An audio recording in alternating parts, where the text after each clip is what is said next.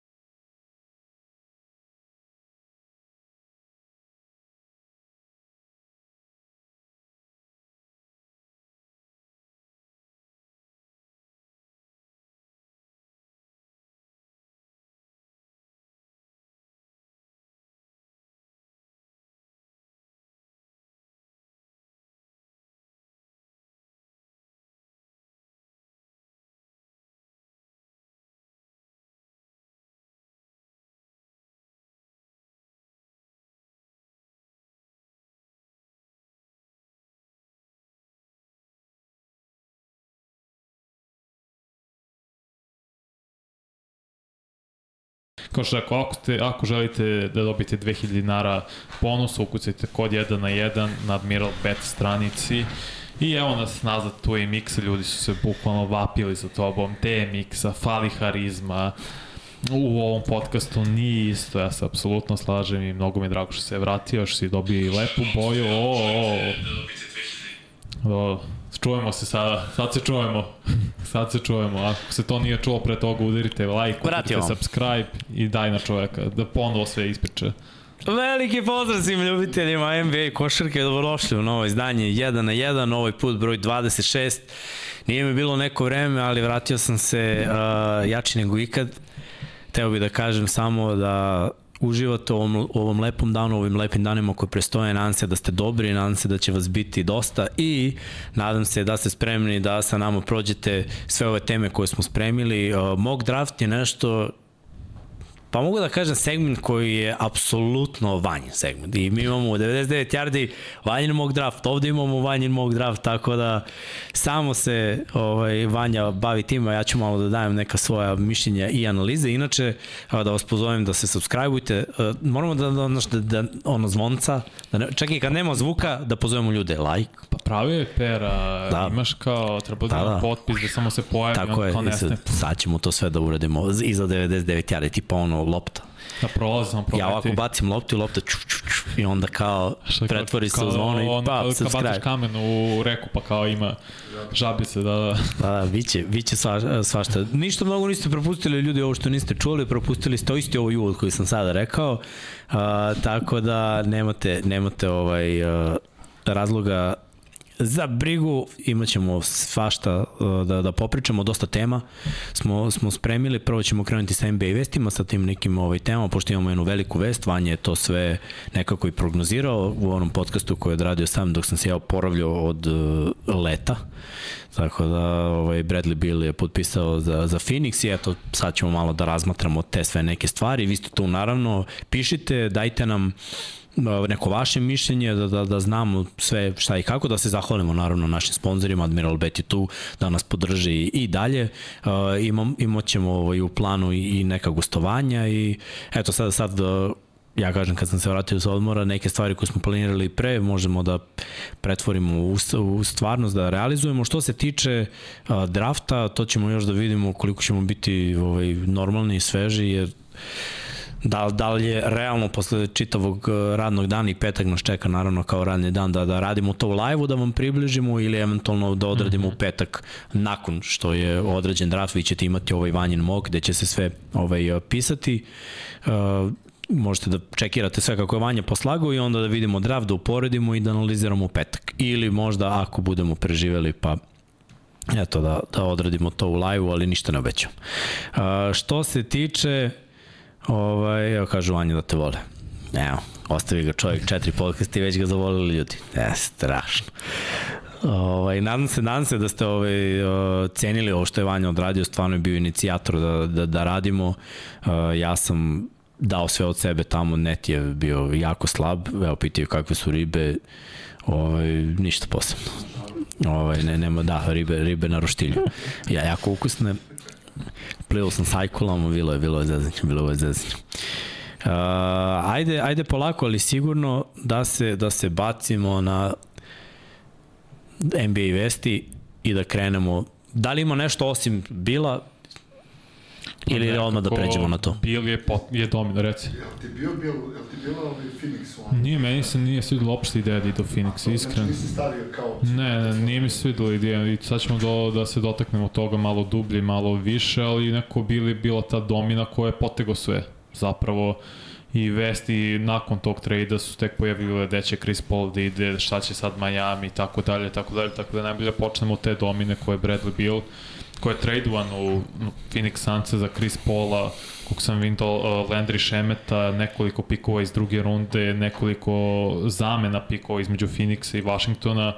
I sad dosta ljudi je reklo da je Washington prošao loše, malo zapravo da su dobili, ali moramo da budemo svesni da je Bradley Bill imao totalnu kontrolu nad situacijom jer imao jedini igrač u NBA-u koji u ugovor imao no trade klauzulu što znači da je on, ako su teli ga pošli negde za više, ako on kaže ne, to se ne bi desilo. Još jedna stvar, inače, koliko sam video, uh, sin od Bradley Bill, Billog agenta je CEO Phoenix Sunsa, tako da i tu postoji konekcija definitivno.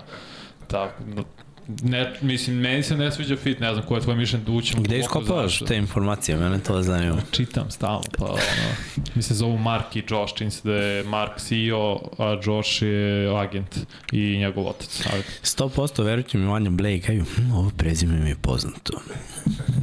Skup. Aha, aha, našao sam ga treće koleno. Uh, dobro, mislim, gledaj, ima, ima veze, ali ajde ovako, ajde, ajde da analiziramo potez sa strane, s obe strane.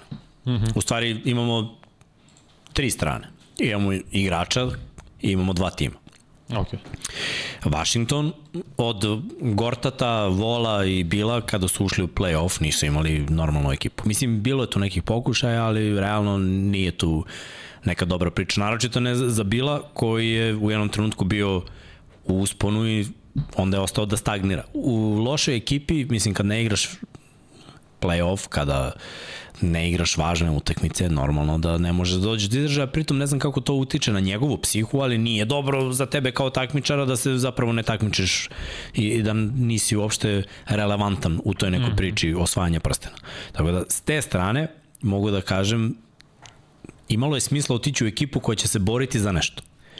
Phoenix je ekipa koja je bila u finalu. Phoenix je ekipa koja se isto tako pretumbala i moraju da nađu neki balans.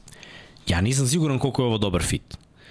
Ali imati trio dobrih igrača, dobrih poentera, nekako deluje dobro. Opet, šta smo pričali za Denver i za čitav zapad, da je Denver sada ekipa, pa možemo da kažemo da, da je zapad njihova ako ostanu zdravi ako nastave da igraju ovako. Mm -hmm. Imamo veteranske ekipe, Vidjet ćemo šta će uraditi Lakers i kako će oni sklopiti roster, ali oni imaju par veterana i vidjet ćemo kako će na kraju izaći taj njihov roster, ali možemo da kažemo iskusnija ekipa koja im, evo i ove godine je bila u finalu.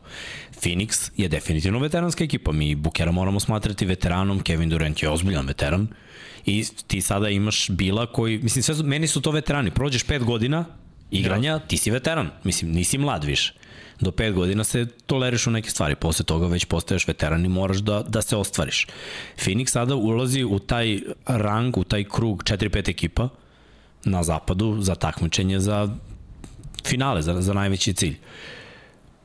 Sa njima trojicom Vidjet ćemo šta će biti sa Ejtonom, vidjet ćemo koliko je to uh, udarac na cap, znači njih četvorica čine cap. To sam ovaj, ne, 163 milke. Više od cap ulaze Više od capa, u, da plaćaju ta, dodatni porez. Samo njih četvorica. Tako. Ali opet mi smo pričali o tom nekom potencijalnom tradu Deandrea Ejtona. Mm -hmm. Pričali smo o tome da on možda nije zadovoljan tu. Uh, sa tri šutera, izrazita šutera, ajde da kažemo da su sva, je možemo da kažemo da su ovo izraziti šuteri. Kao koš getter, mislim, to najbolji naziv za svu trojicu. Ovo je, ovo je ludilo. Šta Aiton tu može da se nada? Koliko lopti on može da dobije? Ko će s njim da igra pik? Mislim, ajde da se ne lažemo. Njegova uloga ovde je da skoči i verovatno će rešavati te napade kada on dođe do lopte. Mislim, nakon ofenzivnog skoka, mm -hmm. ja sumnjam da će mu neko dati loptu. Nisam siguran da je za njega najbolja stvar, ali njima je preko potreban centar. Jer sada, ok, mogu da vidim mogu da vidim razno razne playmakere koji zarađuju malo novca, jer ovde samo treba preneti loptu preko pola i dati nekom od njih i onda nastaviti kretnju negde i ćoškariti. Možda Cameron Payne koji je i obavljao tu neku ulogu u finišu serije protiv Denvera. Ali ako oni traduju Ejtona, oslobodit će malo cap da eventualno popune igračima s klupe, jer sad se postavlja pravo pitanje, evo vi recite ljudi šta mislite. Da li je bitno da imaš udarni trio i bez podrške sa strane, ili je bitno da imaš ono, udarni trio, solidnu petorku, ali i dobru trojku s klupe. Da mora ta trojka koja ti ulazi iz klupe da doprinosi. Ne moraju da doprinose poenima, nužno.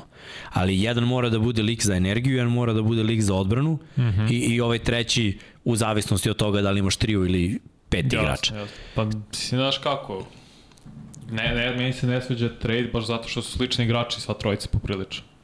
Treba, mislim, treba i da Andre Aytona počnemo od njega da, trade, da ga traduju, ali ko će tebi dati sada tri rezervna igrača ili jednog startera i dve rezerve koji mogu da budu u rotaciji od 8-9 za playoff? Ili šta god da ti daju. Kad oni znaju da ti moraš da traduješ Aytona. U suštini. I ko je sada, ko hoće tebi da da e, jednog, jednog krilnog igrača koja je 3 D igrač i dvojca koja ulaze s klupe backup play ili četvorka isto i ko to je to. Ja ne vidim nijedan tim koji je toliko sad oče, očajnički želi Ejtona da će dati tri svoja dobra igrača, solidne igrača, je tako da kažemo, za jednog Deandre Ejtona. To je prvo. Kad smo, druga stvar, kad smo gledali prethodnim te velike trojke, uzimamo najbolje primer Bostona, Pierce, Garnett i Allen, ali sva trojica rade različite stvari i uklopili su se. Koja je jedina ekipa koja je imala do nekle trojku koja radi iste stvari? Prošle godine Golden State. Pa, ne Šuteri. na kvalitetu. Ne, ne, ne rade, mislim, da se ne razumemo, ne rade iste stvari, ali su svi bekovi i svi šuteri. Ali opet, na, uh, u Golden State-u jedan Clay Thompson se kreće konstantno bez lopte, kao i Steph Curry, zar ne? On, ja ne vidim, ja ne, ne, neko, on, ove trojice, Booker, Bill, Durant, Durant to nije problem, on je bio u sličnom sistemu u Golden State, ali Bill onda mora se pretvori nešto nalik Clay Thompson. Da bude, da se konstantno kreće u napadu. Ili će da ćoškari, ili će no. biti, ili će stagnirati, u smislu stajaće u napadu i čekat će, aha, moj red, sad je moj red, sad je tvoj red. Onda Devin Booker treba se pretvori u playmakera jer on bi sad trebao da igra play. Što ne, ne kažem da ne može da uradi, samo mislim da to nije prirodna pozicija. Ja sam uzem primjer Miami Hita, Boš je morao žrtvuje svoju uh, statistiku i ulogu i promenio je kompletno svoju igru. Po, prvo postao je stretch četvorku, u nekim momentima stretch pet je čak igrao. I žrtvovao je svoje poene i svoju neku, kao da kažemo, i svoj ego za to da se napravi šampionski tim oko tog Miami i uzeli su u četiri godine dve tituli i bili u NBA finalu četiri godine za redom. Zato što si imao dvojicu superiornih igrača, to su Wade i, Wade i LeBron bili, koji su isto slični igrači, nije Wade klasičan šuter. Nikad nije bio. Bio je približno ono što je LeBron. Ovo su tri vrlo slični igrači i neko će morati da žrtvuje svoju ulogu i da je promeni da. kompletno. Ajde, ajde krenemo, ima mnogo komentara ovde o Aitonu. Sad neki smatraju da treba da ostane, neki smatraju da, da treba da ide Uh, ja Oni nemaju ne sumnjam, četvo, oni imaju četvoricu igrača pod ugovorom. da, ja ne sumnjam da, da je Ejton dobar igrač i da je njemu mesto i bilo bi jako dobro za njih da, da imaju takvog igrača, ali opet njegovo nezadovoljstvo eventualno može da napravi taj razdor i znaš šta, možda ti treba pola sezone da ti to skapiraš. I onda možda bude kasno da, za ekipu koja ima ambicije da osvoji nešto, da ti on na pola sezone sklapaš ekipu sa novim centrom, da traduješ ovamo namo. Znači, sa ovom trojicom, ako je Bradley Bill u stanju da, da kaže ok, igraću manje sa loptom u rukama, jer, znaš, kad dođeš u veliku ekipu, do sad je uvek Bradley Bill bio najbolji igrač, sad nije.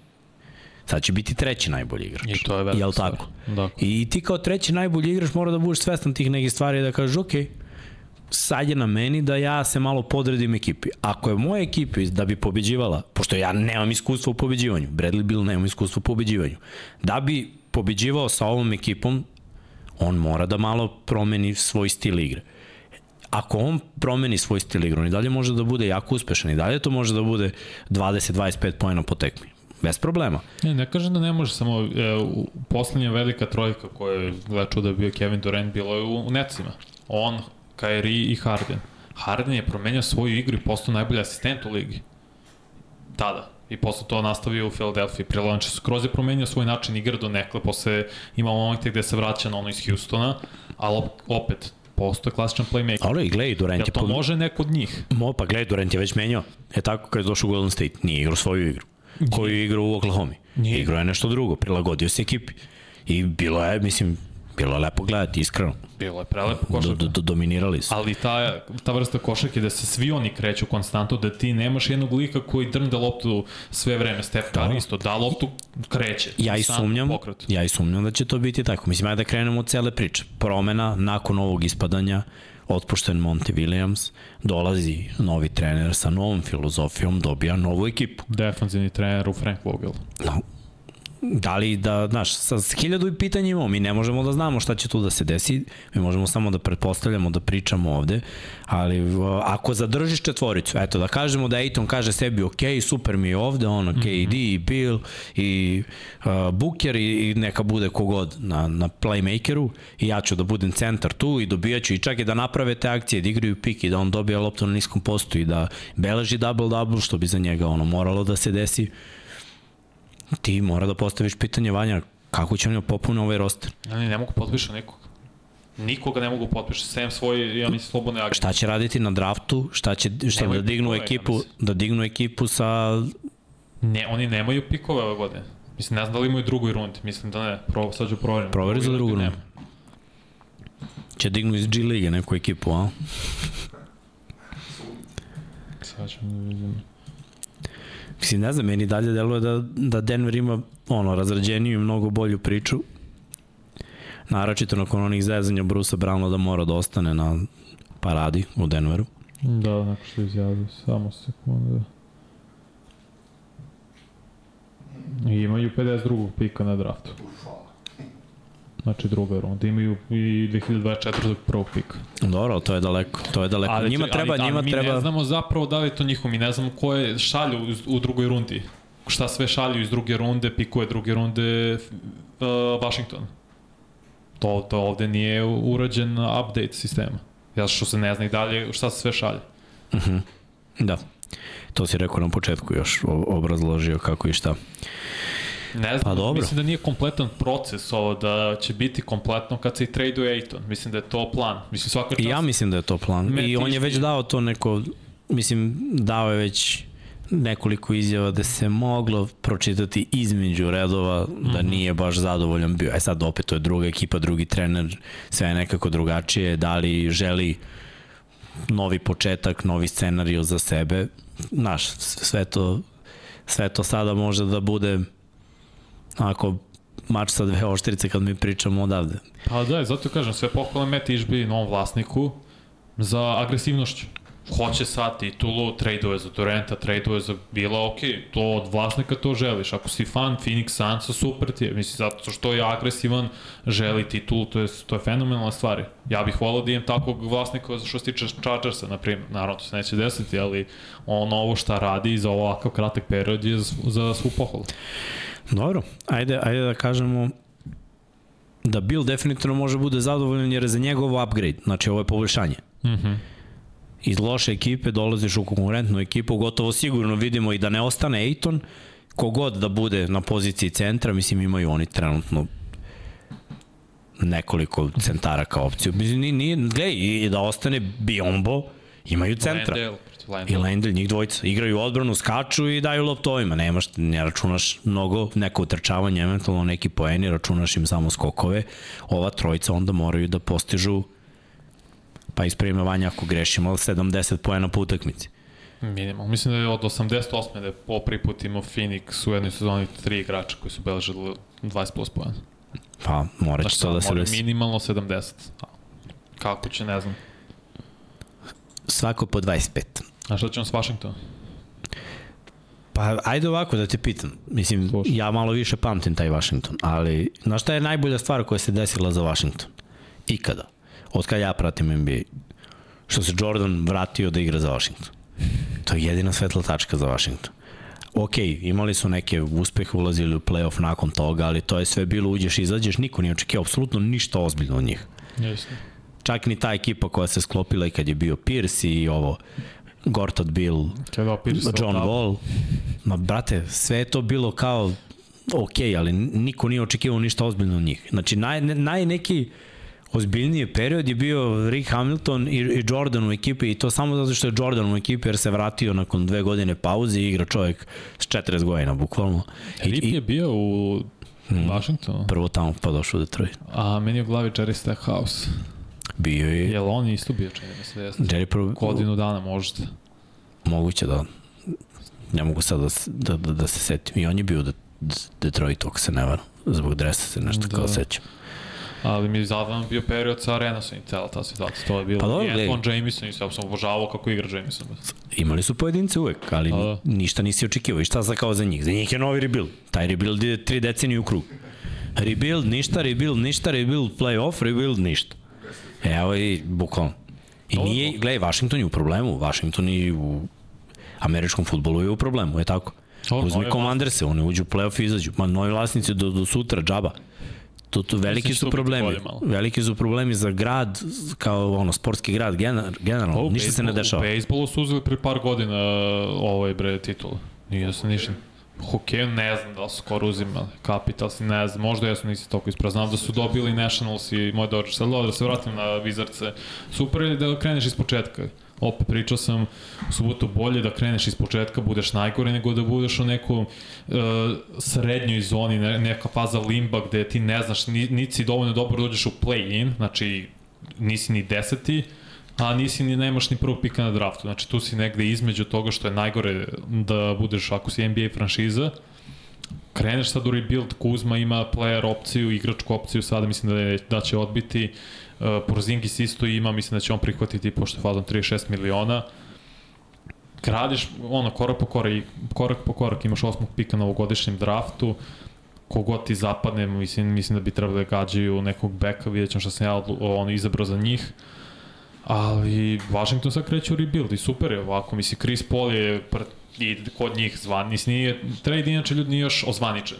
Samo su postavljeni temelji za trade, a nisu još, nisu još ljudi ozvaničili, a po tom nekoj logici Chris Paul ide tamo. Oni su rekli da, ni, da nisu nikakoj žurbi da traduju, da ga traduju dalje, niti da, ga, ono, ot, da mu otkupe ugovor, da postane slobodan agent, tako da je za njih to super, su slobodili cap. Ugovor bila je stvarno ono, iz godine u godinu sve veći i veći. Bio neki komentar ovde da je Bill uzu pare i onda prestao da igra na onom nivou na kom je igrao pre nego što je Pa potpisao kako, ugovor. Durant, Bill i Booker su zajedno prošle godine igrali 150 utakmica. Od mogućih koliko? 246. To je veliki broj propuštenih, znači svako njih je u prosjeku igrao po 50 utakmica, što je, mislim, to je već problem za Phoenix. Mm. Kako će oni i koliko će svako od njih igrati, ja se nadam da mogu da odigraju barem 60 utakmica. Ako ne mogu toliko da odigraju, ako su konstantno povređeni, što se dešavalo prethodnih par godina, onda je ovo propali eksperiment za Phoenix. Ja, kažu da su Capitals eto jedine ta svetla tačka jer su sa Ovečkinom usvojili. Jesu tri, Da. da. da, pa dobro, wow, Nationals i Capitals i ovi pre dve, ovi pre četiri, eto je dve titule za grad. Ali zato glavni sport pati. Ne, Commandersi ili ti pre Redskinsi i Ili- Wizardsi. Futbol tim. Užas. Užas, da, i futbol tim. Užas. Dobro, ajde da kažemo da, eto, videli smo s te strane, videli smo sa strane Bradleya Bila, mislim za njega ima smisla da ide u ovakvu ekipu mm i da, sve ima smisla kada, kada kuburiš godinama u lošoj ekipi. Obezbedio si se, uzeo si jedan ugovor, imaćeš i ovde kintu, znači sad moraš da igraš na, na malo višem nivou i može to da bude dobro kada, kada nije sad pritisak na tebi i ja mislim da, da je to dobar fit i da ta velika trojka, ja je vidim kao veliku trojku, mislim da i to ide dalje, nema smisla za ekipu jer su već probili kep, njih četvorica ovako, nema smisla sklopiti ekipu jer ja ne znam koji bi igrača onda potpisali, onda ostatak ekipe mora da zarađuje po milion, je tako? Aj, to je pitanje. Da kažeš da dodaš sedam igrača da, da svi zarađuju po milion Oni su sad... i ti si na 170, op, ono, mislim, da objasnimo ljudima. je i, i Cameron Payne, i Jordan Goodwin, i Ishmael Wainwright. I to su igrači pod ugovorom i ova četvorica. Dobro. Ostatak ekipe, znači, No, da, i to je sve ukupno njih sedmorica, 175 miliona. da. Ok, sad za Sance, da li ima smisla? Ljudi ovde misle da, da neki misle da ima, neki misle da nema. Ovaj, oni pokušavaju sve živo. Znaš, ti, uh, s ovim receptom koji su imali prošle godine i pretprošle, ne može, je tako. Kad ne može, menji. Znači, dok nešto funkcioniše, pusti da ide, kad ne funkcioniše, menji. Znači, probali su s Durantom, doveli Duranta, Dur- Durant i Booker funkcionišu, sa Aitonom, sa Chrisom Paulom, tim stilom igre ne ide. Znači, ajde da probamo nešto drugo. Znači, ne sme Chris Paul, nego treba neki playmaker zujelica, neko ko može da ubrza pace, da ubrza, da ubrza igru, da taj ritam njihovog napada, da oni uvlače ljude u ritam i da se raspucavaju, ali zato im treba još jedan šuter. Eto ga Bradley Bill, znači prenesi loptu brzo, probaš odmah da rešiš brzim šutem, ako ne, tu su Durant i Booker da stvore sebi poziciju sa polu distance i bilo koji centar da eventualno skoči i da igra odbranu. Eto, to je neka Ideja. To je neka ideja, da. Da li je ta ideja ostvariva, pametna, da li će to biti pun pogodak ili ne, mi to ne možemo da znamo, ali eto da kažemo da je to ideja. Vidjet ćemo, vidjet ćemo ove sezone. Znači, sve je moguće. A šta ćemo sa Chris Paulom?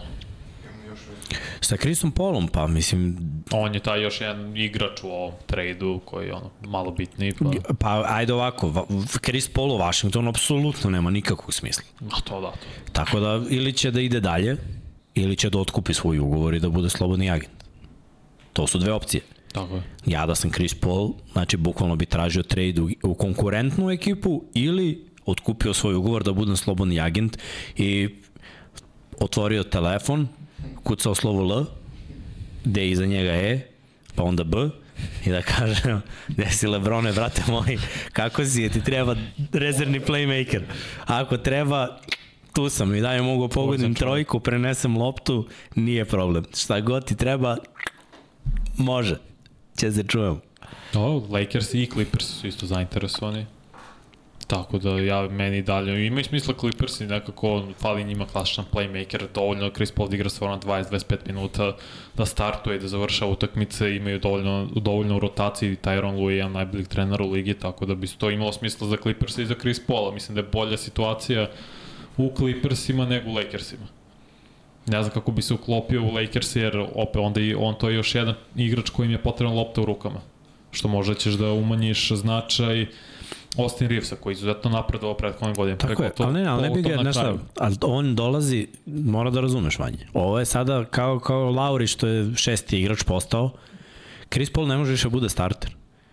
Znači sad kao veteran u konkurentnoj ekipu može bude starter u Washingtonu. Ne, mislim da ne može da igra uh, minute kao starter. Ne može, ne može, a ne može ni da igra kao rezervista te minute. Znači Da, da. Chris Paul sad u sebi može da 25 pruži ekipi 20 minuta i da peva za tih 20. I tu može da uđe s onom rezervnom ekipom i tu da, da organizuje da igra ide preko njega, da ima loptu u rukama, da uzima neke šuteve, da razigrava drugi. To je, nje, znaš, to je sad njegova uloga. Uh, uvek u, u karijeri igrača kada dođe do tih poznijih igračkih godina mora da postoji ta neka doza realnosti. Nisi više na onom nivou na kom si bio. Znači, da kažemo ono kad su igrali u velikom finalu, da je to možda bila posljednja godina, da je on stvarno odradio to doktorski, ali eto vidi se blagi pad. Mislim, ipak su to godine i godine i godine, ali ubijaš malo tempo igre tvoje ekipe. Oni kažu pace, znači to, to mora da bude mnogo brže. jer Denver je na pace razbio Lakers. I sad kad pogledaš sve ekipe teže, tu je tu nam je naravno i Koki, koji sad smara vanju da dobije da jede. Dobio. Si dobio od tebe? Ti pogledao kao, zašto to govoriš? Strašno, brat, strašno. Dobit će posle, sad će onda smara, ali nema veze. Ali eto da kažemo da Mislim, beležio Chris Paul 9 asistencija prošle godine, 13 pojena, ni to loše. da Ne, ne, ne, daleko to od toga da loše. o- Vrlo dobro za čoveka koji je u kojoj 18. sezoni. ali je bio start. Lako je raditi dosta jačim minutima ja i mislim biti da može start. i dalje bude starter, ali da može da igra 20 do 25 minuta po utakmici, maks. Da pokaže, kao što sam rekao, počinje utakmice, završava ih. I ja odmiljno i dalje gledam ka Bostonu, znači sve mi se više više ta ideja sviđa, treba im playmaker, neko ko će razigrati i Browna i Tatuma, treba i čak i New Orleans Pelicansima. Nemaju, on CJ McCallum igra playmakera tu. Da, da, znam. Ingram igra dva, Herb Jones ili Trey Murphy, sve zavisi kao ko je kako u petorci, mislim, to Biće je... to, biće to lepa vest, pričat ćemo o tome. Znaš, ja mislim da će to odmah posle drafta već krenuti da se kristališe i najkasnije do, do početka sezone, jer ipak Chris Paul je neko koji dalje je konstantan igrač, igrač koji može da doprinese, neće za njega biti priča kao za Carmela, znaš ono, hoće, neće, naći će tim, neće, Chris Paul će naći tim i on je dobar sa svima u principu. I velika je zvezda i mnogo ljudi ga poštaju. I mislim da, da će lako on pronaći ekipu koja mu leži. Da li će ta ekipa baš biti konkurentna i pretendent na, na presto, e, to nisam siguran, ali imam tu na vr jezika dve, tri ekipe. Dve iz LA-a i ajde da, da tu dodamo još neku ekipu eventualno koja bi mogla da se takmiči. Da sam Brad Stevens u istog momenta bi zvao Washington ili njega direktno Chris Paul, rekao šta, šta treba. Misliš za Boston, a? Da. Dobro, ko zna, ko zna, vidjet Gledam ćemo. timova koji striktno nemaju klasične playmakere. Neko ko će razigrati i poboljšati timsku igru uh, samog tima. Dobro. Ali eto da kažemo, Srki, uh, bocni ovaj drugi Bradley Bill. Potpis. Bradley Bill u Phoenixu i time da upakujemo i da završimo. Eto, još jednom podsjetnik za sve vas koji niste ispratili. Bradley Bill je tradovan u Phoenix Sunse. I to bi bilo to. Evo neko sad pita kao backup za, za Jamala Mareja. Uh, Denver ne, ne može da, da, ja mislim Denver najbolje ista ekipa. Znači Da. to, to je ideja, ne dovoditi nikog drugog, jer ovo što Denver ima kao backup kada naprave tu drugu petorku kada uđe Bruce Brown. Igra Denvera ide od Jokića, od centra i oni su već našli neki recept, recept koji funkcioniše. Spomenuo Sve bi se to, sve bi se to promenilo. Pritom Chris Paul u ovim godinama više nije defanzivac na tom nivou, a oni imaju kao rezerviste, kao dvojicu u play-offu što se ispostavilo dva vrlo dobre igrača, pritom da kažemo i ovi što su igrali regularni deo sezone ima tu igrača koji mogu da doprinesu, tako da ne vidim nikako kao dobar fit u, u Denveru. Krisa Pola, šta dalje ide, to ćemo da vidimo. Znači Lillard, Paul ostaju kao igrači ovako Da. iskusni igrači koji se nisu takmičili na visokom nivou, nagradu. a deluje da, da, da bi mogli. Lillard, inače, kad smo već kod njega, Den Denver, pardon, Portland je rekao da ne želi da traduje Lillarda i da želi da gradi oko njega, što je skroz okej, okay, samo ne znam šta će raditi onda s trećim pikom. Oni ne znam koga mogu da dobiju sem ako nije Zion, te vrednosti da traduju trećeg pika. A danas je izašla vest da ne žele da traduju trećeg pika. Mislim da jedno s drugim ne ide. On, ako Lillard želi sad formiran tim, spreman za playoff makar, moraš da traduješ trećeg pika za nekog veterana, nekog ko može odmah da doprinese timskom mm. uspehu u tom pogledu. Ma, oni su, i oni su jedna od izgubljenih franšiza, tamo nešto se tu ponadao sam se ono kad su sklopili sa McCallumom, Aldridgeom, Lillardom, delovalo mi je okej. Okay. Ali otišao Aldridge onda. Da, čim je on otišao, nije već to bilo to. A imao je onaj jedan playoff run da je bio nestvarno. I onda je i on nestao. Dobro, ajde da kažemo da bi to bilo to. Pitaju ljudi za Jeffa Greena šta mislimo o, o njemu, da li će ostati u, u Denveru. Nadam se, to je to njega striktno. Da, Je. mislim, De Denver je imao Jeff Green je godinama u ligi. Od 2007. I on, znači, znaš, sad je pitanje u stvari, godinama si tu, uzeo si neke pare, sad si uzeo titulu, da li želiš da budeš deo dinastije? To je pitanje. Znači, mislim, da ne, ne razumiju ljudi pogrešno, Denver neće biti dinastija dok ne osvoje dva bar. ali šuška se, baci oni tu priču, te spekulacije, da ako imaju tim isti, da mogu da odu daleko i sledeće godine i eventualno da osvoje i da postanu dinastija, to bi trebalo da bude magnet za te veterane. Znači da, da igraš za taj neki veteranski minimum, da doprinosiš ekipi, oni ne igraju velike minute, ali imaju važnu ulogu, svi ti veterani u, u Denveru i tokom regularnog dela sezone će imati sigurno više minuta nego u play-offu, ali opet će biti doprinos veliki. Tako da za njih ja mislim da je najbolje stvarno vratiti su ekipu. Vidjet ćemo da li oni tako razmišljaju. Jer ako pogrešiš sa izborom ekipe sada, odeš u drugu ekipu i to bude fail, vrlo verovatno da te na kraju sezone čeka razmišljanje dokle više ja ovo radim sebi i već sam osvojio jednom. Da. Mislim, ipak je čovjek, kaže, u ligi od 2007. čini se, ili 2008. tako da to već 16 ili 15 sezona, za veliki broj igrača je to penzija.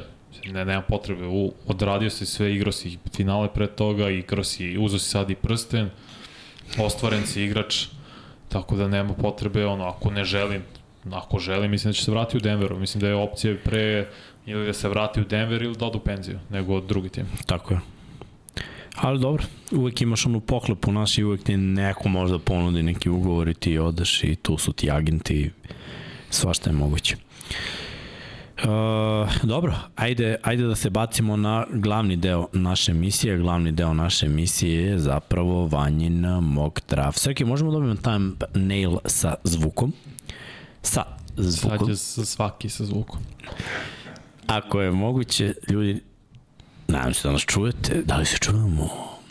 Mašite glavama, and you don't stop. centrala. Uh, ajde da kažemo ovako, Vanja svake godine za svaki sport koji radi kao podcast sprema mock draft i ovde je takođe spremio mock draft, ovde je jedna bina i kao što možete videti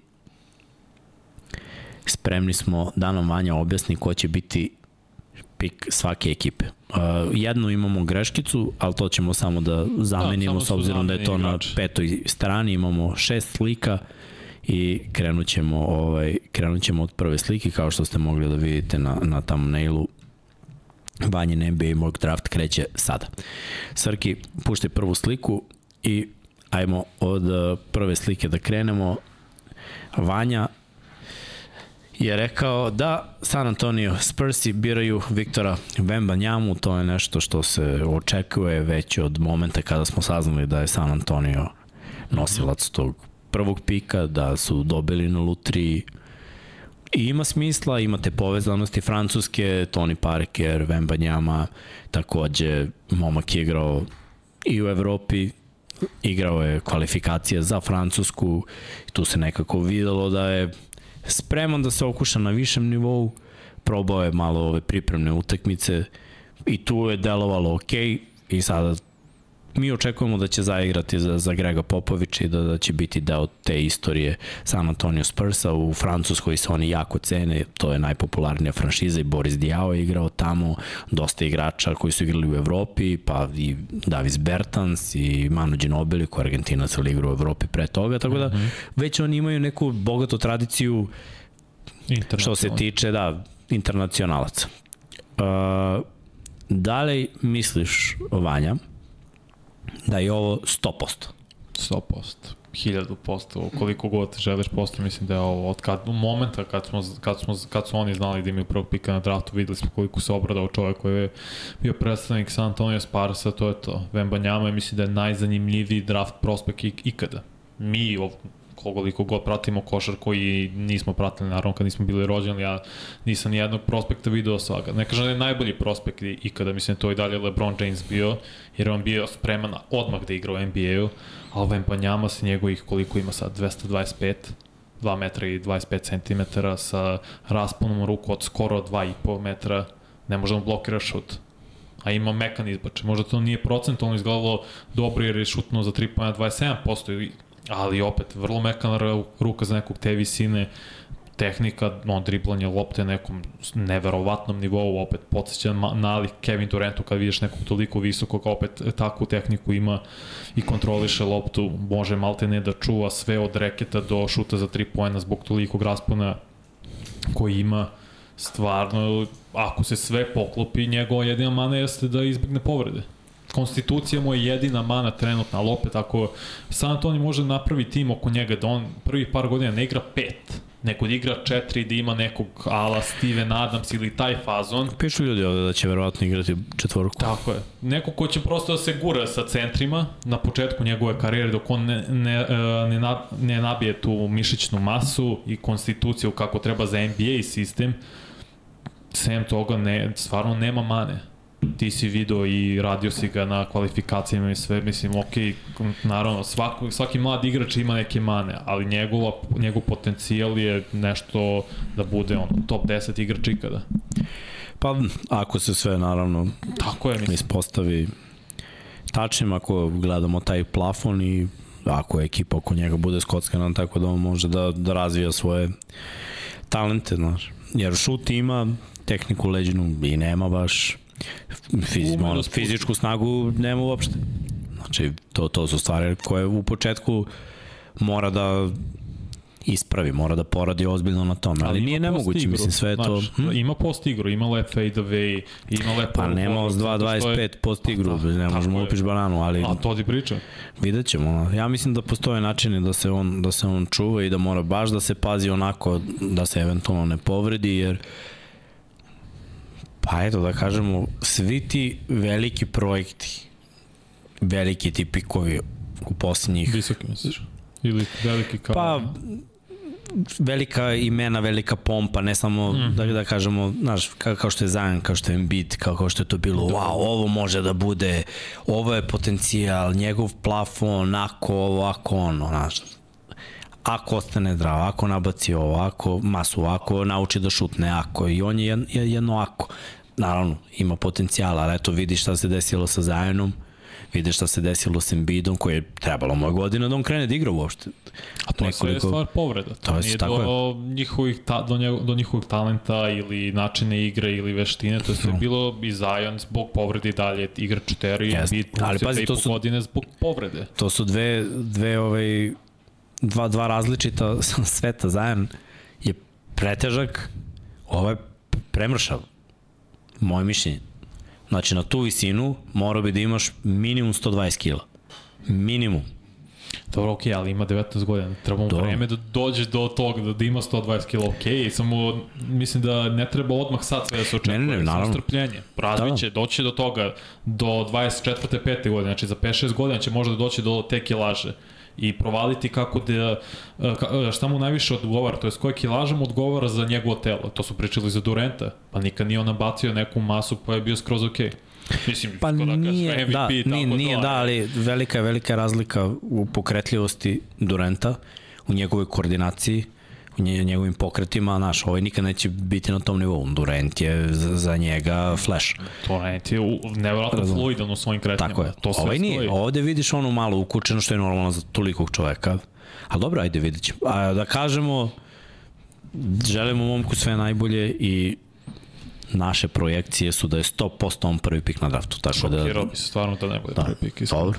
Vidjet ćemo da li ćemo se šokiramo svi. Ali definitivno ima smisla, ima povezanosti i to bi bilo to. Na piku broj 2, Charlotte Hornici po vanjenom mog draftu biraju Brendona Millera sa univerziteta Alabama. On bi trebalo da igra neku trojku.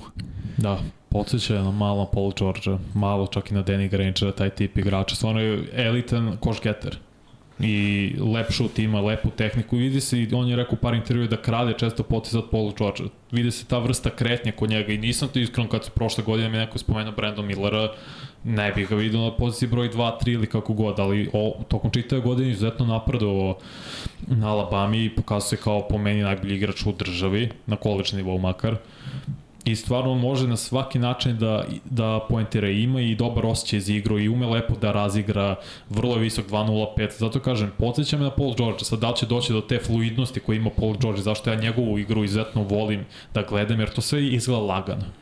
Njegovi pokroj sve lagani, znači ne mora ni previše da se spušta uh, svoje težište, ni bilo šta on dođe do koša, s takvom lakoćom, to je najbolji opis za Paul George, mislim da Brandon Miller može bude nešto slično tome. Beleži je 19 poena, Alabama ima i 8 skokova, šut za 3 poena, 38%, to je 38,4, što je vrlo dobro, ipak se to sada gleda, a zašto je bolji on uh, fit za Charlotte nego Scoot Henderson, koja mislim da je možda i malo bolji igrač, malo bolji prospekt, jeste što njima treba trojka.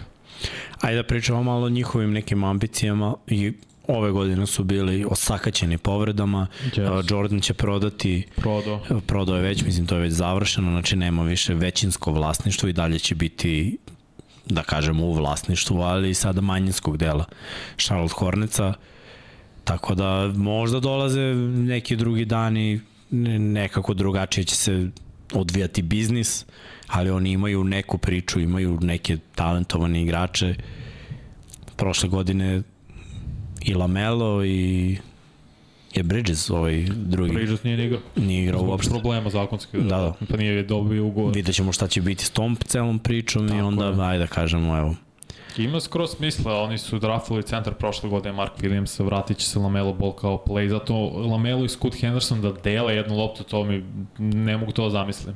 Biće dosta žrtvovanje jednog i drugog, ali ovako sa Brandon Millerom koji je iz catch and shoota isto dobro, ne traži puno pažnje, ne traži sad neće tražiti puno lopti kod sebe rukom, možda igri lep pik sa Lamelom da tu se napravi dobra saradnja, dobra konekcija, plus igra dobru odbranu vrlo se dobro lateralno kreće u odbrani, želi da igra odbranu, nije da tu zabušava, kao što sam rekao, odličan osjećaj za igru i stvarno je koš getter. Mislim da on može da bude ovde uz Scoot Henderson najbezbedniji pik. Možda je Bemba Njama će možda biti najbolji zbog potencijala, mm -hmm. ali njih dvojica, pogotovo Scoot Henderson, ali i Brandon Miller, Dobro, ajde idemo odmah mm -hmm. na, na broj 3, sa obzirom da ti tu vidiš baš malo kako pominješ.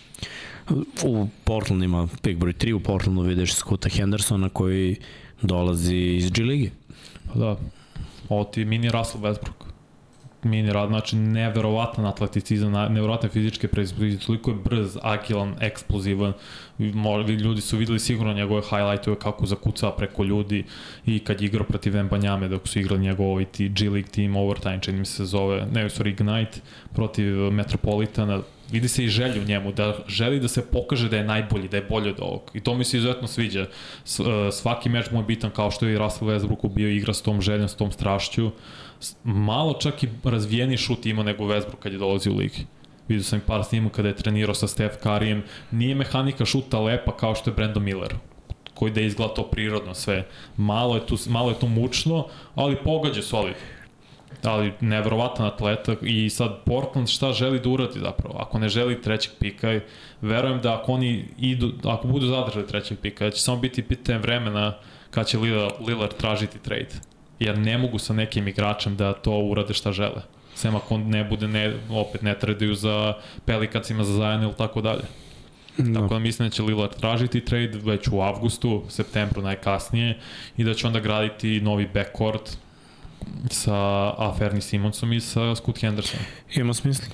Dobro, možemo da idemo dalje na poziciju broj 4 gde biraju Houston Rockets a Vanja vidi Kema Whitemora sa Villanove i on je na poziciji broj 3 Houston Rockets a, imaju isto nekoliko pitanja što se tiče sklapanja rostera, da li u trejdu dovesti neke veterane ili ići sa mlađom ekipom, imaju novog trenera, imaju neku novu priču. I pa ajde da kažemo, prošle godine su neki klinci tu izašli ono, do, došli do izražaja. Moramo, moramo tako da kažemo, nisu bili nešto preterano uspešni, ali baš su primećeni, ako ništa drugo. I sada na sve to sklopiti tim, da li ići na mladost, ili dovesti nekog veterana. Da li je dobro za, za, za njih na, zap, na zapadu da dovedeš veterana koji će da uzima loptu od ovih mladih igrača ili ih pustiti još jednu godinu, dve. Sve znaš, sve znaš. Znaš kako, Houston zapravo diktira čitav draft nakon ovog. Otprilike znamo koja će biti prva trojica koja će izabrati na draftu, manje više svima je to tako na mog drafta, ima čak i po nekim kladionicama da su oni zasigurno top 3 kojim redosledom nakon 2 i 3 vidjet ćemo, ali Houston diktira draft jer nakon ovoga zapravo mi ne znamo šta će se desiti. Houston na playu sad ima uh, Kevin Portera, mlađak koji je igrao dobro, beleže skoro 20 pojena, 6 asistencija, on je više back, ali je pri, prinuđen da igra play, da igra play ima Jalen Greena, Jabari Smith su draftali prošle godine, Shengun isto igra prelepu košarku, neko je napravio mim da je, ide prvo Šengun, pa se pa evoluira u Sabonisa i onda završna je evolucija Jokić. Što je skoro opet, kad pogledaš način igre, svi igre vrlo slično, samo na različitim nivoima. Ono što njima fali sada jeste trojka, ako budu išli u tom smeru, jer šta ako Harden dođe, zasigurno znaju. Znači, ne treba da draftuju neko do ove braće Thompson, Azur ili a, Amen. Njima treba trojka, jer trenutno trojku igra Kenyon Martin mlađi, Da. koji nije tri. Mislim, on je više neka uh, mini četvorka koja igra sa energijom, uh, ide na lijupove, skače, igra dobro odbranu, ali ne može da napravi dovoljan spacing. Dok Whitmore to može, plus i ide i na ofenzivnom skoku ima vrlo razvijenu igru što se tiče što, post igru, dobar šuter bio na Villanovi, vidio sam da trenira i sa Carmelo Antonijem i ovim čitavim tim timom u Njujorku. Sviđa mi se kako igra prosto. Baš je sklopljen za današnji NBA i solidan je atleta, nešto baš nali Carmelo, nije taj fazon više čak i potiče na Cory Maggette, ti ga znaš bio mm. u Milwaukee, ali takav tip igrača treba sada Houston Rocketsima trojka koja može da uradi do, dovoljan spacing, da, da rašire još teren, da otvori prostor iza Grina kad probija. Misliš da je šuterski već spreman sada da to radi? Pa, ne. Nije spreman sada, ali Houston ne treba neko ko je sada odmah spreman. Niko od njih ovde se možda Grady Dick koji je klasičan šuter, ima još par njih, ima ovaj Haskins sa Connecticuta, nisu toliko dobri šuteri da odmah doprinesu, ali Whitman može se, da se razvije u vrlo dobrog šutera još ako gledam kakav je timeline Houstona, oni ne, ne idu u playoff sledeće godine, za dve, verovatno tek za tri godine, kada još dovoljno sazero i mlade igrače. A i već su nagomili toliko pikova i uboli sa Shengunom i verujem i sa Jabari Smithom i Greenom, uh -huh. da nema pointu da dodaješ još jednu potencijalnu zvezdu, jer gde ćeš ih sve? No, stoji. Ajmo dalje, Srki, broj 5 Detroit Pistonsi, nažalost na mesto broj 5 za sve navijače Detroit Pistonsa, verujem da ih ima, s obzirom da su bili bukvalno najgori tim i da su očekivali da će biti bar u priči za, za prva tri pika, oni su pali na mesto broj 5, gde Vanja vidi za njih četvorku Jerasa Vokera sa Univerziteta Houston. Da, pa opet, beku im ne trebaju imaju Ivy, imaju Cunningham, mislim da će ostati Bojan Bogdanović kao startno krilo, što im treba neko ko će širiti igru, ali nemaju četvorku. Weizman, tradeovali su za Weizman za pet, a Walker može tu služi kao odličan defanzivac. Jedan od najboljih na ovogodišnjem draftu, ogroman raspon ruku ima, možda nema razvijen šut sada, ali im to ne treba. Treba neko ko će igrati odbranu, koji donosi odličnu energiju sa klupe, to je pardon, odličnu energiju generalno i prisustvo u reketu. Ima dobar osjećaj za igru u to. Može da podeli loptu, nije mu to jača strana, već da igra odbranu. To je ono što će, zašto će on dobijeti minute na početku svoje NBA karijere.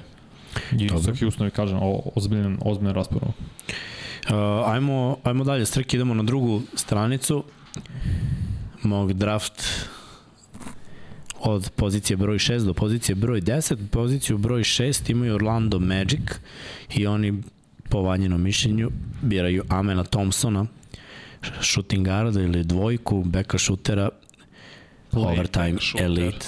Da, sve zavisi šta igraju. Njima bi ovo bio najbolji scenarij, što Orlando pao na draftu, ako bi ubali jedno od, od braće Thompson, da uklope sa Jalen Saxom u petorci, to jest u backcourtu, već imaju bankera, imaju i Franz Wagner s kojim su zadovoljni, plus Wendell Carter, mlađi, to bi bilo fenomenalno za njih, imali bi sklopljen tim za, ok, opet kažemo, dve do tri godine, da o, budu ozbiljni učesnici za playoff i obojica vraća imaju neverovatan atleticizam, izuzetno brzi.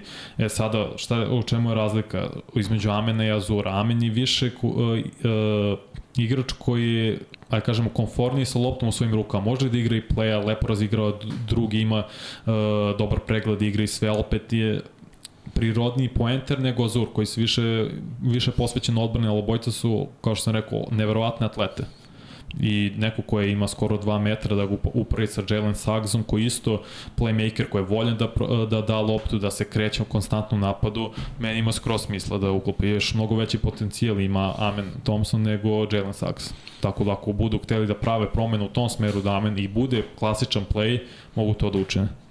Dobro, idemo dalje. Na poziciju broj 7 Indiana Pacersi biraju po vanjenom mišljenju Taylora Hendricksa, četvorku sa USF. Da, U, UCF. UCF, UCF, UCF. da. Potreba. draftali su Maturina, imaju Halliburtona, Duart, mislim da su njega isto draftali prošle godine. Sad im fali neka klasična četvorka, kako pogledamo pe, generalno petorku, Indiana Pacersa jedino što im fali, jer ajde kažemo će ostati Miles Turner tu na poziciji 5. Fali im opet neki igrač Walker i Hendrix su vrlo, vrlo slični. O, o, samo što Hendrix igra o, sjajnu odbranu i na lopti i odlično pomaže u odbrani sa strane. Može čak i da sačeka loptu iz pick and popa, dobar je šuter na catch and shoot momentima pokriva i 3 i 4, raspon ruku mu je preko 2.15. A on je visok 2.03. Tako da to se ceni u NBA-u neko ko može da pokriva više pozicija u odbrani. Da može da čuva i bekove i da može da čuva krilni igrače. Dobro. Idemo ponovo na listu. A na listi na poziciji broj 8 Washington Wizardsi biraju je ovo Usar ili je Asur. Asur. Mislim da je Asur. Thompson drugi. Asur. Prebrz atlet, koji za razliku od brata više fokusira na odbranu. Dobro, rekao Ali- si to. Koliko je dobar šuter? Solidni su obojice, stvaraju sebi šuteve, nije to ništa sporno, samo ne znam koliko su imali, uh, ajde da kažemo, koja je najbolja reč za to zapravo? Kaži. Pa ne, uh, htio sam kažem competitive, znaš, koliko su u G League Borbeni. imali... Ne borbeni, ne, ne, koliko, Koliko su... su imali, šta, konkurenciju? Tako je. Ajde tako kažem, konkurencije. To je glavna stvar. Mislim da je ovo najbolja opcija za Washington ako se ovo desi da on padne na osmo. Jer dosta ljudi vide da će oni obojice ići do šeste, eventualno sedme pozicije. A Washington upunjava potrebu tradeom Bradley Billa, dolaze ti mladi igrač Azur Thompson koga možeš da gradiš. Da neko je čak i napisao i video sam razna poređenja da je ovo Sean Livingston sa atleticizmom. Što ja ne znam kako su došli do toga iskreno. Sean Livingston na početku, mislim kada je tek ušao u ligu, da, bio je je ozbiljan. A dobro, on je dug dosta. Mislim, Je, I ovaj raspon ruku mu je 2 2.13 dobro, sa 198. Da, da, Ogromne da. ruke, zato igra toliko odbrana na visokom nivou. vrh. Nisam znao da, da mu je toliki. Da, da, da. Mislim, Raspon. Beleži su oni 16 pojena, 6 asistencija, 7 skokova, sve to, sve to super za Azur Thompsona i na obruču se sjajno snalazi, dobro, e, dobro je dodavač na nalik brata, ali sviđaju mi se obojice, mislim da imaju vrlo visok potencijal i za Washington bi bilo super kako bi se ovo desilo da grade oko njega kao novo lice franšize. I popravlja konstantno šut prošle godine, Pop, menjao čak i tehniku izbača i mehaniku i mislim da je sad pro, napokon pronašao nešto to mož, e, na čemu može da radi konstantno. Dobro, Srki, idemo na listu dalje. Utah Jazz, po manjenom mišljenju, bira Antonija Blacka, playmakera sa Arkansasa. Da. Anthony Black podsjeća, da, to je to. Anthony Black podsjeća na Lonzo Ball, malo. Klasičan je playmaker, što vole Amerikanci da kažu floor general, odličan osjećaj za igru, ima čak i igra i dobru odbranu, baš sve upućuje to da je nešto slično Lonzo Ballu, čak i visina 198 za playmakera, što je jezivo, sve su više i više igrači. To je neverovatno. Da. Da. Sve više mora, ako si playmaker, ne može da budeš ispod metar, metar 90 više. Pa pazi, pa da, a u moje vreme je bilo fazom 1,90 m, to je bilo. A sad, sad ja mislim da je 1,95 m i da već sve više imaš ovih od 2 metra koji igraju odbranu bolje, bolji su na skoku. Mm -hmm. Pritom, ako gledamo atleticizam, danas ovi momci od 2 metra stvarno prave Ne, suvali Haos. atleticizam kod svih, je sad razlika o tome, za Anthony Blacka, uh, Ut je potreban klasičan playmaker, zato što je trenutno na playu Colin Sexton koji je više uh, poenter, koš getter. Malte ne uh, back shooter u telu playmakera, što nije dovoljno visok. A imaju tu Jordan Clarksona, vidjet ćemo da će da pre, premeste Sextona na klupu. Anthony Black bio klasičan uh, raz, razigriva, raz, razigravač. razigravač, Igrač koji razigrava. Da, još kad pogledamo ostatak petorke, Markanen igra često poziciju 3. Olinik je tu, Kessler, ako ubacimo i Blacka, to je og, vrlo visoka petorka sa ogromnim raspolom ruku i bit će mnogo teško davati poene na Juti. Kessler kao ruki se pokazuje da je da može bude on na nivou možda ne nužno Gobera da osvoje da tri puta nagradu za najboljeg defanzivca, ali da bude vrlo, vrlo dobar defanzivni centar u ovoj ligi još dugo, dugo godina. Srki je objasnio. Neko je, neko je, neko je, neko... Ček, ček, ček, ček, ček, ovo ću... Uh, Šta je bilo? kako me imao pitanje pita Bojan Buković, to, to se Srki igra s vama. Srki je... Da, da, da. Riddler. Ovaj, Još ovo igra odlično u, u pick and rollu. Odlično igra u pick and rollu, što bi dodatno bio plus da ako bi uparili njega i Markanena u pick and rollu ili u pick and pop situacijama, gde Black dobro čita odbranu i donosi uvek dobre odluke. da, Teško je preneti statistiku kad gledamo NBA prospekte za razliku od NFL. da, da, mnogo, no, mnogo drugačije. vrate, teško i ovamo i onamo. Ne, to, to je jako teško. Ovde ljudi nije statistika sve i oni što je, on jeste beleži samo četiri asistencije, ali to nije merilo za ono što on može da igra. U NBA više gledaju kak, kak, koliki potencijal neko ima i, da, i kol, za koliko godina će to da se ostvari. Ne nužno da li može odmah ili strikno brojke. Srki, nada šortak, nemoj neko da ga diro. A, Dallas Mavericksi su na poziciji broj 10 i ekipa koja eto bila u play-offu, igrala ozbiljno, konkurentno, sada je onako na jednom raskršću šta dalje, gde, kako sklopiti tim. Tvoje mišljenje je da će oni izabrati trojku, Bilal Kolibala. Kolibali. Šta misliš, da li je trojka Razmišljam. zapravo nešto što treba njima? Pošto ja sve vreme mi u glavi, da, centar ili četvorka u mojoj glavi, a ti vidiš trojku. Zašto vidiš trojku? Dve četvorke su već otišle. To su Walker i Hendricks. Razmišljao sam o Lively u ovom centru sa Univerziteta Duke koji ima ja mislim čak i 2.17. Podsjećan čak i na Tyson Chandlera, malo taj tip centra koji je vrlo dobar u skoku, odličan defanzivni igrač, dobro čuva uh, obruč, ali sam ok, gledao Kulibali, jer mislim da Kulibali može da bude krađa ovog drafta. Njima je i jeste potrebna i trojka pored Dončića, pored uh, Irvinga ako ga vrate, mislim da hoće. Neko ko će striktno igrati odbranu i to će mi biti glavno zaduženje. U, dosta se orijenti sa tome, jer timovima sada sve više više fali dobrih odbrambenih igrača, koji su atlete, koji su mladi, koji mogu da se razviju za dalji potencijal. Misliš kad su bekovi Dončić i Irvin koji su poznati inače po vrhunskoj odbrani. Tako je. Zato i Kulibali podsjeća malo na Anunobije iz Toronto Raptorsa. Kako bi on mogu da se razviju tu vrstu igrača sa desetim pikom da dobiješ jednu kao što je OG Anunobi koji, all, koji ja mislim treba bude i all defanzivna petorka i sve, među najboljim defanzivnim petorkama u NBA-u. To bi ti bio pun pogled za sistem koji gradiš oko Dončića i oko Irvinga. Njih dvojica ne igra odbranu, tebi treba neka trojka koja može pokrije poziciju od 1 do 3. Ne vjerujem da može čuva četvorke, petice sada, ali mislim da može pokrije pozicije 1 do 3 i to, će- to će od njega se traži. Malo je manji uh, poznat, malo manje poznat prospekt iz Metropolitana igrao je za igra, to jest igrao je zajedno sa Vembanjamom, ali mislim da Kulibali može bude krađa ovog drafta. Dobro. Idemo dalje. Raspon ruku njemu je 2.18. Za neko ko ima 2 metra. To Vrhunski. u NBA-u dosta znači sad. To znači svuda, brate, kad treba promeniš kanal. Mrzite da ustaneš. Uh, zamisli kako bi, kako bi on odavde s ove stolice bi menjao kadrove. Srki nam ne bi ni trebalo. Sedmi, brate, bude gost i menji tamo. Sto ti je samo 2 metra odavde. Uh, Orlando Magic na poziciji broj uh, 11. Derek Lively centar sa Duke. Pa da, Dobar univerzitet, Orlando je tražio centre, pa možemo da kažemo već neko pokušali su sa uh, Mo Bambom, Nije, nije se isplatilo. nije, nije prošlo. Probali su, sad probaju sa Wendell Carterom mlađim, isto, mislim, ok je, nije ništa spektakularno. Misliš da je ovo Ovo može potencijalno bude bolji rešenje. put?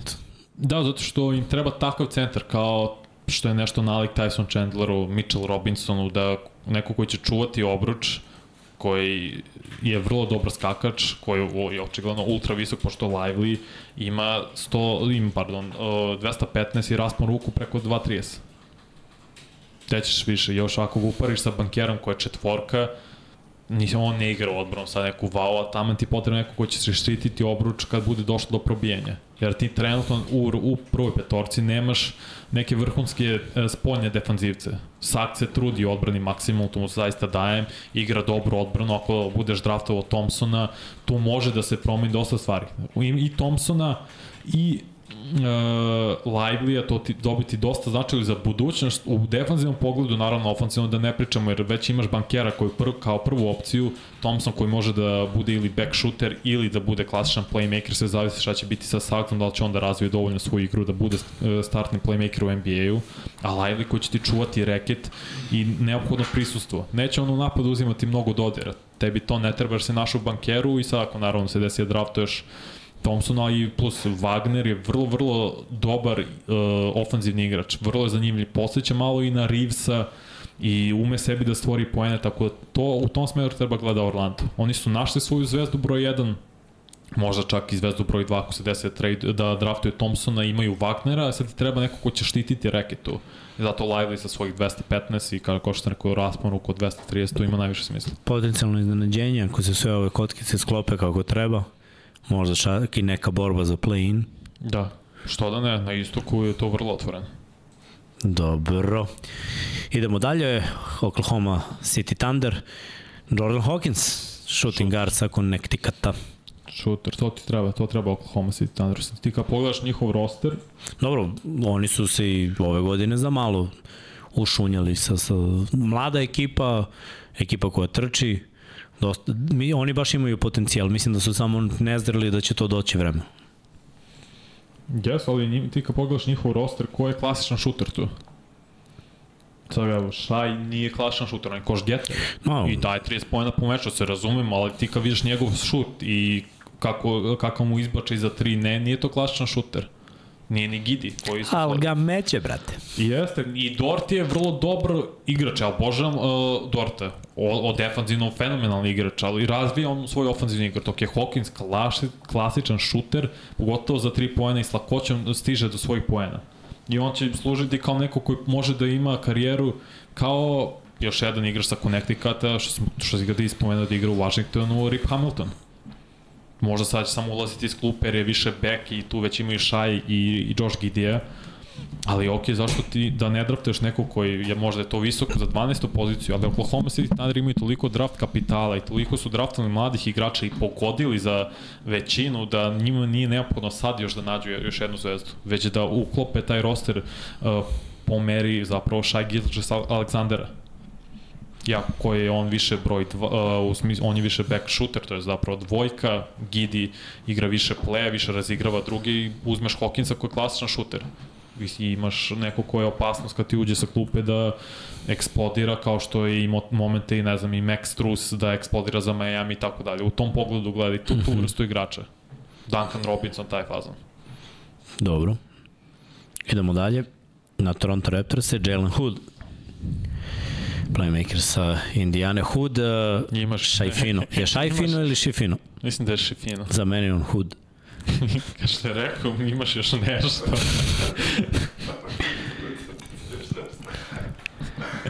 Stop za ovu braću s dva prezima. Šalim se naravno.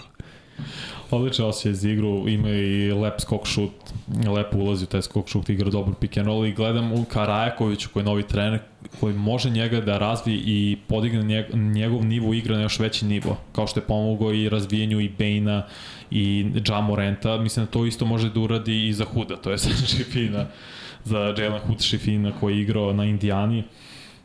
Malo, mislim malo, ok, četiri, četiri asistencije, 13,5 poena, opet statistika ume da zavara, ali je vrlo inteligentna playmaker koja se nalazi sjajno ulozi da razigrava druge. I sad, pošto ide i, Van Fleet, to je možda najbolja stvar za Toronto izabere playmakera budućnosti, imaju već Scotty Barnesa, pročeo sam da žele da zadrže OG Anunobija, ako zadrži Sijakama, solidan je to tim. Mislim da Rajaković stvarno može da razvije lepo ovog mladog igrača. U tom pogledu sam gledao neka, više ka playmakerima nego ka bilo čemu drugom. Dobro, idemo dalje, Srki. New Orleans Pelicansi biraju Casona Volasa, playmakera sa Kentucky. Vanja, New Orleans Pelicansima ti definitivno zamera što nemaju pravog playmakera i što CJ McCallum mora da igra playa, tako da im ovde dodeljuješ nekoga ko bi mogao da preuzme tu delatnost kako bi McCallum igrao ono što on jeste, a zapravo to je dvojka, back shooter, I ajde ovako, ako se oni ne odluče da traduju Zajena i ako ova ekipa bude sklopljena, da kažemo, ovako, na ovaj način, da li oni konačno mogu do play-offa?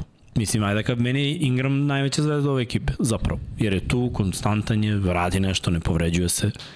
Ali on je u momente, mislim, da odigrao 4-7 utakmice prošle godine. Da, da su povrede glavni razlog zašto su Pelikansi pali.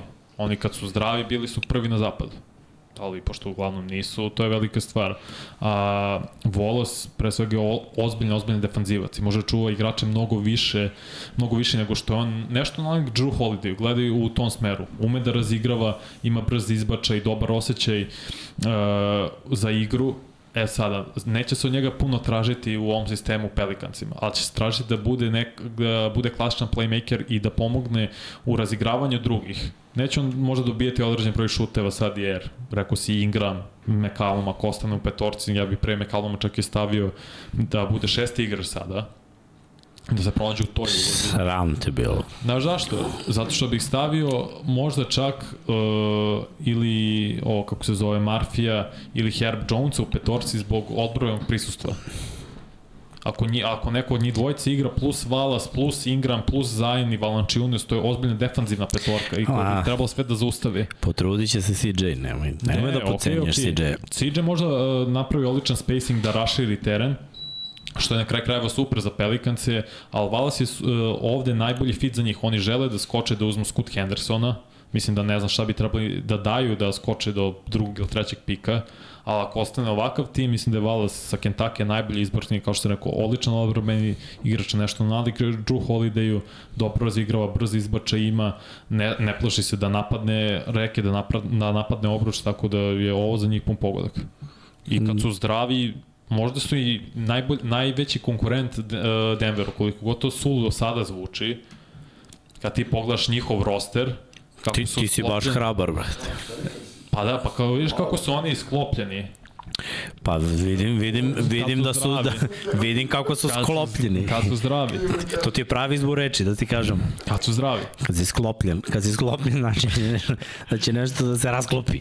Kad su, zgla, kad su zdravi, Murphy igra ozbiljno odbranu, tu je Alvarado, tu je Josh Richardson, tu je i Herb Jones koji isti igra odbranu na vrlo visokom nivou, videli smo šta su radili Phoenix Sunsima pre dve godine kako su maltretirali Chris Paula tokom, na, po celom terenu, Ingram je all-star igrač, Zayn kad je zdravi all-star igrač, Valanciunas isto tu veliko telo koji može da makar na momente uh, predstavlja problem, uslovno rečeno, za Jokić i tako te centre, zato što je prosto i ogroman, iste konstitucije kao Jokić. Tu je naravno i Jackson Hayes, koja je energija sa klupe, i Larry Nance Jr. To je dobro sklopljen tim. Falin klasičan playmaker, što mogu sad da draftuju u, u Valasu, ali ako su zdravi, mislim da su zaista najozbiljnija pretnja na zapadu. Jer su mladi. Hrabro, hrabro. Dobro, opet... cenim ja te tvoje prognoze, neka se obistine. Pa nemojte, nemojte ljudi da ovaj podcenjujete ova vanje na šesta kako? čula. Mladi su, a opet glavni igrači kao što su McCallum i Ingram su ne već u veteranskim da. godinama i ulaze, Ingram ulazi u svoj prime ako već nije, a McCallum je već tu ili možda izlazi. Da, da. Imaju stvarno sve slopne i dobrog trenera u Willi Greenu. Gledao bi poštujem, poštujem. Možemo dalje, možemo dalje. Srki, Atlanta Hawksi biraju na mesto broj 15, uh, Grady Dick Trojka sa Kansasa. Možda i najbolji šuter na godišnjem draftu. Baš je prangiješ. Nešto nalik u Erteru, kog su imali. Baš im sad fali neko sklupe koji će uz Bogdan ući, moći da napravi spacing koji nemaju u prvoj petorci, jer i uh, Mare i Dejonte Mare nije neki šuter, nije ni Hunter takođe, da ne pričamo o uh, John Collinsu i Clint Capelli, to su ono anti-šuteri ali Grady Dick koji šutno 40% za 3 poena na koleđu je klasičan, ono, što, kako se kaže, snajperista. Posjeća malo na Bojana Bogdanovića isto, tako da bi to za Atlantu bila najbolja stvar, da sa klupe imaju Bogdana i Grady Dicka koji će ući, Bogdan može da startuje naravno ako osete po match-upu, Grady je više trojka, ali ok, od njih dvojicu imaš koji mogu da ulaze i da naprave dovoljno, to jest da dovoljno prošire teren i da budu snajperi, samo čekaju loptu i prangijaju. Mm. To fali Atlanti, neko sklupe koji je klasičan šuter pored, Boga, pored Bogdana. Ne gleda me tako odmah vadim prangijatom. Uh, idemo dalje. Na poziciji broj 16 Utah Jazz, uh, Vanja vidi četvorku, no Clowny sa Alabame. Dobro, Juta je bila blizu ove godine, iskreno. Meni je delovalo da će Šokirali trenutku i da... iskreno Malo su, s- kao da su odustali, kao da je ono bilo uh, izbaci iz brzine u ler Da. pod hitno. Da ne, samo da ne uđemo u playoff. Ovaj, tako da može, može Juta svašta. Iskreno, taj odlazak Donovana Mitchella ih je možda malo izbacio. Mislim, ne samo Mitchella i Gobera i Miro, oni su napravili neki rebuild koji se nije koji nije preterano uništio ekipu. Mislim, oni stvarno da su odigrali do kraja jako 100%, mislim da je moglo svašta nešto da bude. Da, da, i sad kad gledaš, da je spomenuo sam da je Olenik u petorci, kao četvor, kako je Markane već tri. Njima neko treba ko je mnogo bolji defanzivac i mnogo mlađi od Olenika. A što je spomenuo, Clowney je jedan od najmlađih igrača na ovom draftu, ima ogroman raspon ruku, 2.17 mu je raspon ruku, odličan je skakač, odlično igra odbranu i raznovrsan je odbrbeni igrač. I ti, pošto su oni već, eh, pored Markanena, su uzeli i, koliko se sećam, playmakera, o Austin Blacka, imaju Jordan Clark, Clarkson koji je koš getter, može i Colin Sexton, kako god, imaju neko ko će već postizati poene. Kesslera su draftili pored godine, a, po, prošle godine, pardon, zamisli Kesslera i Clown je jedan pored drugog, znači nikad postići koš. S tim bi- Markanen. Da. Možda gledaju u tom smeru da budu što veći, što bi Amerikanci rekli, u front kortu, od pozicije Karila, Karila centra i centra, ako bi imao i Markanena i Klaunija i Kessler, to bi bio pakao za ofanzivne timove i za protivničke timove da postižu poene. Plus Clowni može čuva sve od 2 do 4 sa njegovim ogromnim raspon ruku, ultramobilan za njegovu visinu 2.03 je i još to što sam rekao, jedan od najmlađih igrača na ugodišnjem draftu. Nije još napunio 19 godina. Vrh.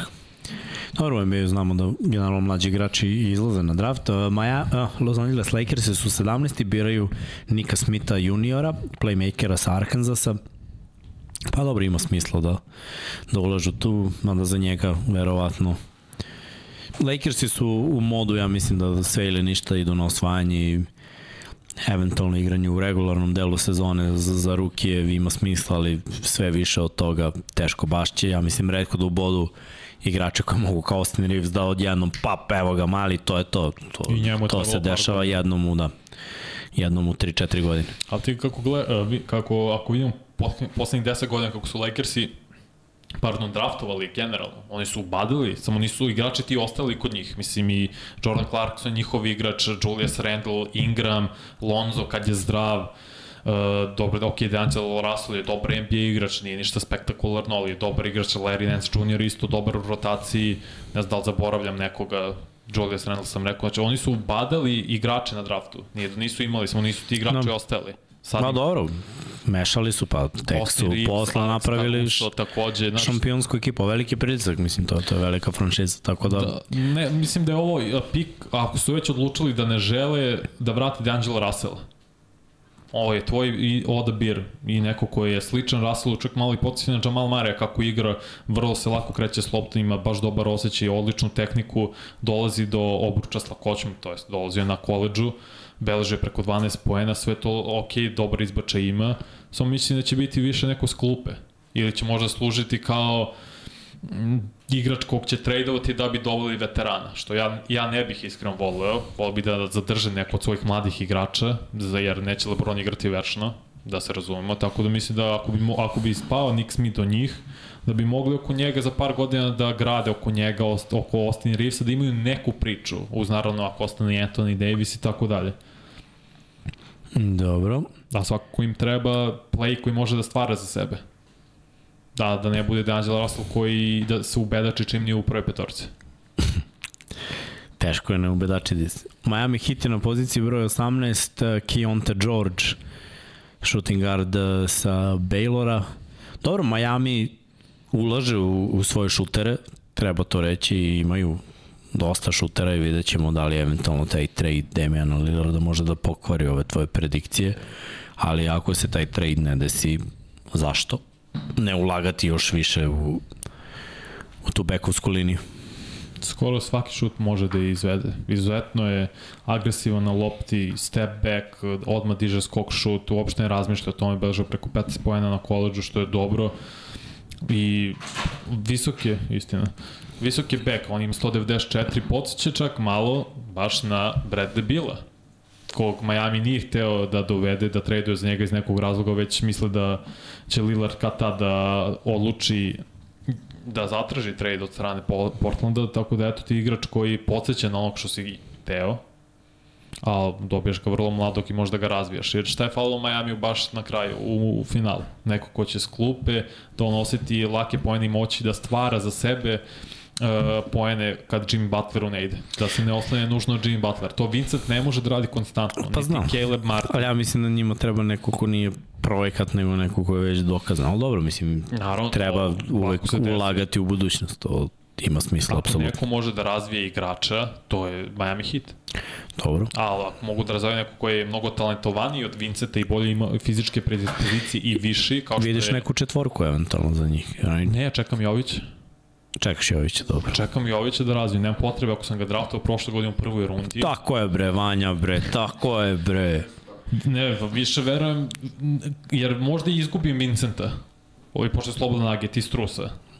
Svako moram da ih zamenim nečim, tako ako ne, ne, ne draftujem, to jest ako ne tradujem za Lillard, ako se to ne desi, Keonte George koji je bio na Bayloru je odlična opcija da bude na početku backup, da vratim Laurija u startnu petorku, a da George uči i da dobija neke minute i da razvije ta, samim tim i hemiju sa Jovićem, kao što su radili Jamal Murray i Nikola Jokić, kad su ulazili zajedno s klupe u Denver.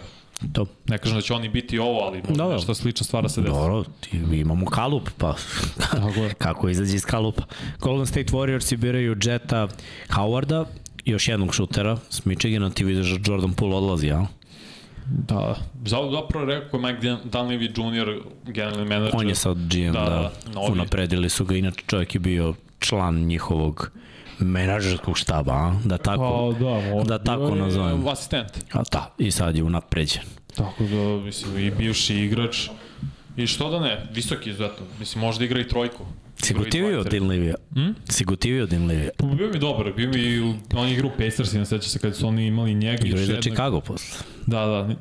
Zato ne znam koga su sve imali u petorci, ali bio i Foster kao centar, onda je bila dvojica, trojica belih igrača, da ga kažemo, i ono 2K, Dunleavy nije mogao omaši trojku. Dobro je, dobar šuter bio. Jeste, ozbiljno, i na koleđu bio baš dobro. Evo ga i ovaj koji je isto snajperista, Jet Howard s Michigana, može da pokrije više pozicije, i 2 i 3. Sad ti, ako Jordan Poole nije zadovoljan svojim ulogom ili ako Clay Thompson, recimo, uh, ne, ne može da dobije ono što želi od ugovora, pošto mu ističe od 2024. neće da mu produže, ne znam, na 5 godina ili na 4 da bude neka ogromna cifra, draftovao si mladog igrača koji može da ih nasledi. I mislim da može Jet Howard da bude nešto, mislim, ne mogu, opet ne može se ponovi Clay Thompson, to je igra jedan u generaciji, ali može da bude dobra zamena za njega. Ne znam da li će ikad igrati na tom nivou, opet ponavljam, ali slične su predispozicije, kad gledamo visinu, kad gledamo način kako, šu, kako šutira za tri pojena i sve. Moraju kad tada da investiraju u budućnost. Ne kaže da nisu to radili. Jesu, nisi isplatilo. Tradovali su Weizmana i sve ali najbolje bi bilo ako nećeš da tradeš ovaj pik za nekog veterana da izabereš ono što ti fali sa klupe da ulazi. Pošto Jordan Poole nije klasičan šuter.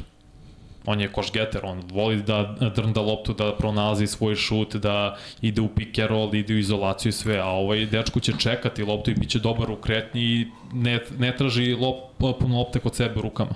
Mm. Dobro. Nova generacija Warriorsa se sprema.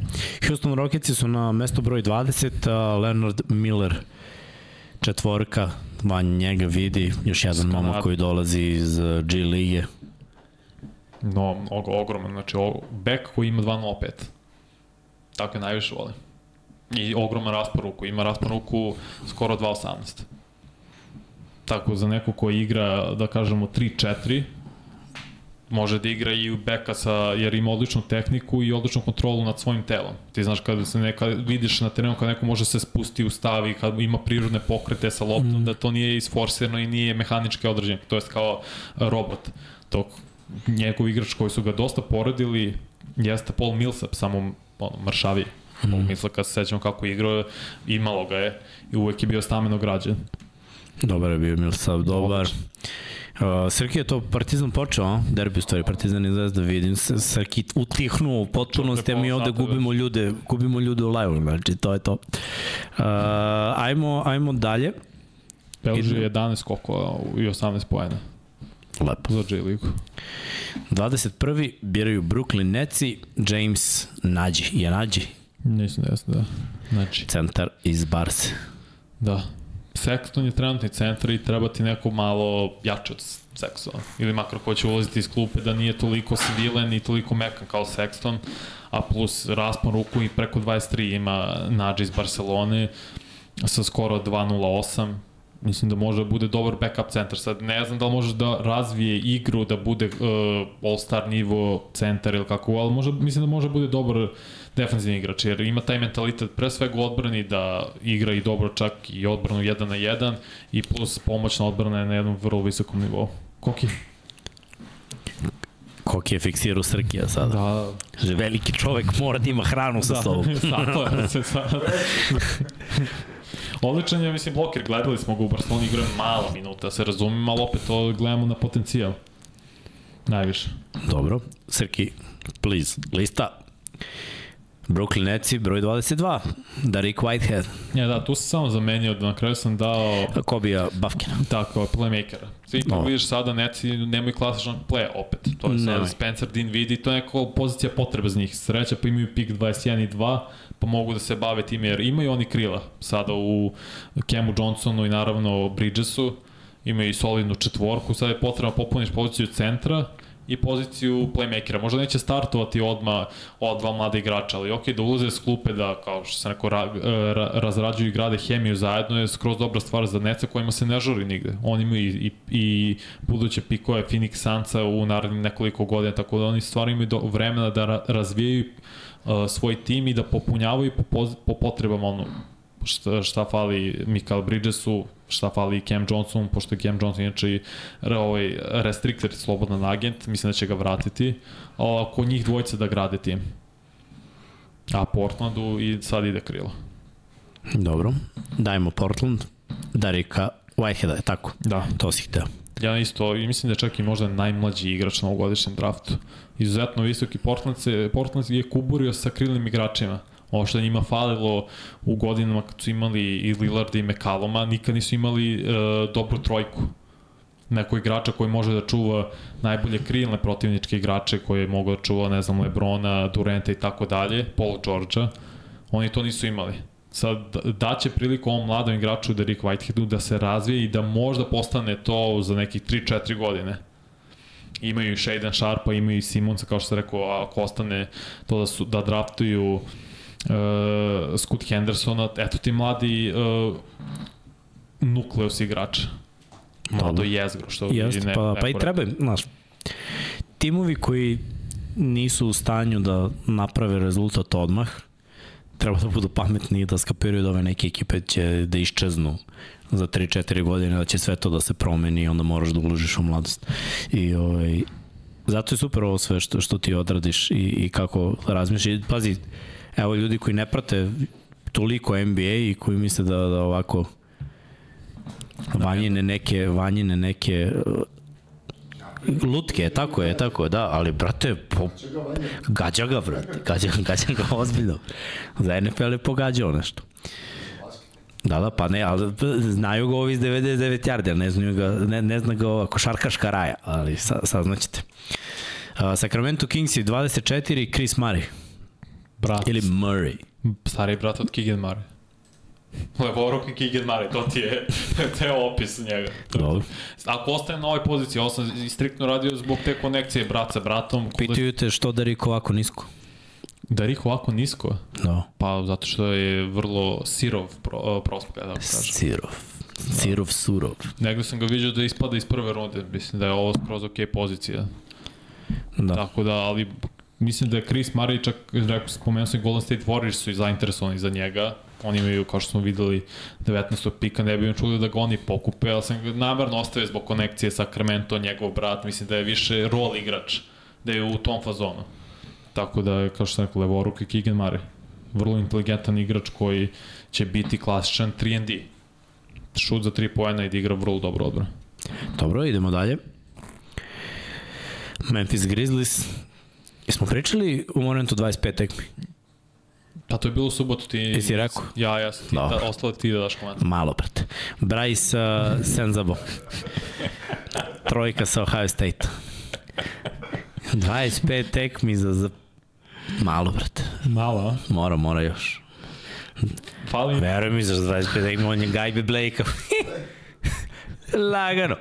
Ovo je 25 ključnih tek. Pa nije, pro, pro ne dobija pare za te tekme, oduzeto mu. Uje, Plati 7,6 miliona. mnogo je. Ne znam kako. Izgubiti 30 miliona zato što ne može da, da bude izabran za all, Da. all NBA timove i tako dalje. Ne znam kako će da živi bez toga, stvarno. Ali dobro. Mislim, na njihovom smo piku, zato da, moramo ne. malo. Ne, ali samo stvarno, stvarno što misliš o... Ok, Ja sam mrtav ozbiljno. možda ovo je lice sa odmora, Ovaj- možda ne govore o tome, ja sam nasmejan jer sam odmoran, ali inače sam mrtav ozbiljan, tako da, kaže, miksa bi to sezonu i malo klečanja na kukuruzu. Tako je. Bez Ja. klečanja na kukuruzu ništa. Ja bi pola sezone, to, to sam već rekao, ali tre... Umesto da, da Ne. koka tamo Ne, ovo je minimum 25 utakmica, ovo se ispoje minimum. Što znači ako ne ispuni neke kriterijume koji NBA treba da proglasi šta su kao ono, neka vrsta rada na sebi ili kako god, vidjet ćemo po tome da li će biti tuža kaza, kazna ili ne, ali Bryce, Bryce Senzable sa Ohio State se pokazuje kao freshman, igraš prve godine kao izuzetan koš getter, beleži preko 16 poena, ti kad vidi, i ti kad pogledaš zapravo šta fali sada Memphis Grizzliesima, to je krilo, jer i odlazi Dylan Brooks. Ako je Morant suspendovan 25 utakmica, možda bude i više, može da i Senzabao igra takođe back shooter, ali bi ga predstavio na poziciju 3. Eto ti neko ko može da nadoknadi te poene zajedno sa Desmond Bainom koji će onda dobiti mnogo veću rolu, Tyus Jones će biti startni playmaker koji razigrava primarno, to mu je, to mu je posao. Eto i još jedan igrač koji može da stvara sa sebe poene, koji je vrlo elitan u tome. Dobro. Ima smisla, ima smisla. I lepo su oni igrali prošle godine isto i malo bez Durenta i Imali su baš u jednom trenutku da se bre, svi živi povredili i oni su nekako opet iznali i ušli u playoff, ali dobro, oni su bili malo nadmeni. Vrlo lepo mehaniku šut, šuta ima Senzabao. Za razliku od Dylana Brooksa. Da. Uh, Indiana Pacersi su broj 26, uh, Ryan Rupert sa Novog Zelanda, po tebi je njihov pik, trojka. Francuz. Još jedan Francuz. Znači samo Francuzi. Onda je Rupert. Rupert. Rupert. Zanimljiv igrač, malo se zna o njemu. Mislim da, kao ovo što sam spomenuo za Kulibali, mislim da on može da bude krađen u godišnjem draftu, on dolazi s Novog Zelanda, onaj lig gde je igrao i Lamelo Ball, gde je igrao i Gidi, gde je igrao i ovaj Osmanu Džen koji je prošle godine draftovan. Mnogo je sigurno potencijal. Ima tu dosta i bi bili lepih poteza i nekoliko prelepih završetaka na obruču i sve, samo je mnogo, mnogo sirov igrač. Kako će sad njegova igra se, da se prebaci, da, da se transformiše u NBA-u u poređenju sa ovom novozelandskom ligom koja je sve popularnija za ove mlade igrače, vidjet ćemo. Ali je odličan odbrben igrač i podsjeća nešto između Tony Allena i Otto Porter Jr. Ako bih ja mogao za početak da dobijem Tony Allena samo više koji ima skoro 2 metra, ja bih to najviše volao kao tim. Dobro. Raspon ruku mu je isto 2.18, mislim, oni svi imaju raspon, raspon ruku od 2.18. Ajde ovako, sada svaki put da napomeneš samo ako neko ima manji raspon ruku. Neverovatno, su. Da, 190, 198, 2.8, istina, 2.18 raspon ruku. šta mislim našeg Srkija da ima ovde raspon ruku, znači srušio bi pola studija. Da. Ne, Nemam. ne. Charlotte Hornetsi su na mesto broj 27. Uh, Olivier Maxence Prosper. Ne znam da li imam Francu ili ne. Ali im svako treba, Brate, ne može da se zoveš Olivier, a da se čita Ol Olivier. ali im svakako treba i još jedno krilo. Ako se ne vrati Miles Bridges, da prosto popuni roste pored Lamela Bola, Brandon, Mir, Brandon Millera koji isto može da igra 3-4, eto ti još ovaj igrač koji, eto, ako, se, ako uspe, super. Ali to je više u kasnim rundama ciljaš na neku vrstu potencijala i on, ako uspe, fenomenalno, ako ne, nema veze. Dali smo pika u, ka, u kasnim delu. Da. To je bacili smo nužno pika. Pa da, pa dobro. Ne možeš sve da ubodeš. Utah Jazz na poziciji broj 28, Tristan Vukčević. Ovo izuzetno mislim da, da je ovo utjecaj Nikola Jokića. I uopšte ne preterujem. Jer mislim da će stvarno ljudi pogledati i visinu Vukčeviću i e, kakvu tehniku, veštinu ima generalno ofanzivni arsenal i pomislit će ok, ja mogu ovog da razvijem nešto. Nešto nalik što je Nikola Jović bio prošle godine izabran isto u, ka, u koji 29 ili 28 pika od strane Miami Heat. Da cilja na potencijal da oni to mogu da razviju. Oni su već draftovali u mom slučaju Novog Clownija kao neku četvorku koja će striktno igrati odbranu i čuvati najbolja krila protivničkog tima. Ovo je projekat. Vukčević, da vidiš da li možeš od njega da razviješ nešto. Jer šta ako ti se Markanen, reci, Koliko bi trajao taj projekat? dve, tri godine sigurno. Koliko treba se. Koliko Inače, treba. ova moja ekipa što igramo, imamo grupu gde igramo košarku i ovaj, neko je pitao ko je igra 300 za Partizan i neko napiše on je na usavršavanju. Da, Usa. Vršavanje. Verujem da će biti bolji u NBA-u nego što je u Evropi, da će igrati sa mnogo većim željom, iskreno. Misliš? Da, Ceniš? zaista to mislim. Da. Zašto? Jer mu je to prilika, jer se zapravo za NBA sprema od svoje 16. 15. godine. Nikad njemu nije bilo u glavi da igra u Evropi. Eh, sad. Pa mislim da nije, mislim i nije se pokazano ni- u Realu nešto u Partizanu sa najboljim e, trenerom u Evropi isto bil delovo u momentima da je nezadovoljan, da se duri, ne znam iz kog razloga nije dobio skoro ni kumina, tako što ti me Srki ispravi ako grešim. Ajde Srki, šta ti misliš? Čovjek nije dobio ništa da igra mučenje. Pa do, znaš šta, mislim, Mislim, Partizan da, imao, Partizan imao, Ali to je... Partizan imao na neku svoju rotaciju, imali su neka svoja očekivanja, ba nije on bio Ne, ne, ja mislim da je to nego. da se, ne, da se zaista nije trudi dovoljno, da ga nije toliko zanimalo, iskreno. To zaista, mislim, može to sad strogo da kaže, mislim da mu njegov glavni cilj je jedini NBA i da će se mnogo više zalagati i mnogo više truditi u NBA, zato što mu je to cilj i san. A Dobro. bit će mu mnogo teško da probije rotaciju i uti, ali ne znači da ne mogu ga razviju. Jer možda Markanen se ne uklapa u dugoročan plan. Šta ako oni vide, aha, za par godina mi ne možemo da dođemo do tog nivoa koji želimo sa Markanenom, a neko pozove i kaže, e, dajemo to, to i to za Markane koji je all-star igrač. Možda se desi. Dobro, Pa nije nemoguće. onda da- sledi Vukčević, koji bi trebao da možda nasledi Markane, opet imao bi od koga da nauči. Dobro, bar će znati ime da... Tristan. Pa da, ako, zna, ako nekoga može da nauči i da pokupi dosta uh, košarkaškog znanja, to je Lori Markane, koji je fenomenal ofanzivni igrač. Znači, je, Jeste, stvarno je jeste. neverovatno igra i Very na evropskom i sada ove sezone NBA-u i prelepu košarku igra. Jeste, jeste, baš je sadar. Znači, ako od nekog može da nauči, to je od Markane. Ali evo ko što kaže El Mesija, možda se trudiš, ali vrlo verovatno 3 do 5 minuta na, na terenu. Mora da bude spreman na to. I Da. to je okej, mislim, to je proces, ljudi, to neće dobijati 10-15 minuta sigurno. Indiana Pacersi biraju G.G. Jacksona. G.G. Jackson. Prejako. Da, George, G.G. Jackson. A, četvorka sa Južne Karoline. Opet, samo su igraš klupe, rotacija dodatna koji ima dobru energiju, doprinosi ja, na, na skoku, pogotovo ofanzivnom. Tako da Indiana Pacers su već izabrali i, i uh, trojku startnu, nadam se i četvorku na ovom, na ovom draftu po meni, tako da ovo više je igrač koji može popuniti tu neku vrstu igrača s klupe koji donosi dobru energiju kada uđe na teren. Dobru odbranu, dobru energiju, da je aktivan što se tiče skoka i to je to. Da. Inače, prekinuo sam ovu anketu. Nismo imali mnogo glasova, 88, a kažu ljudi da li je top ili flop Vembanjama. Vembanjaja. Vemanjama.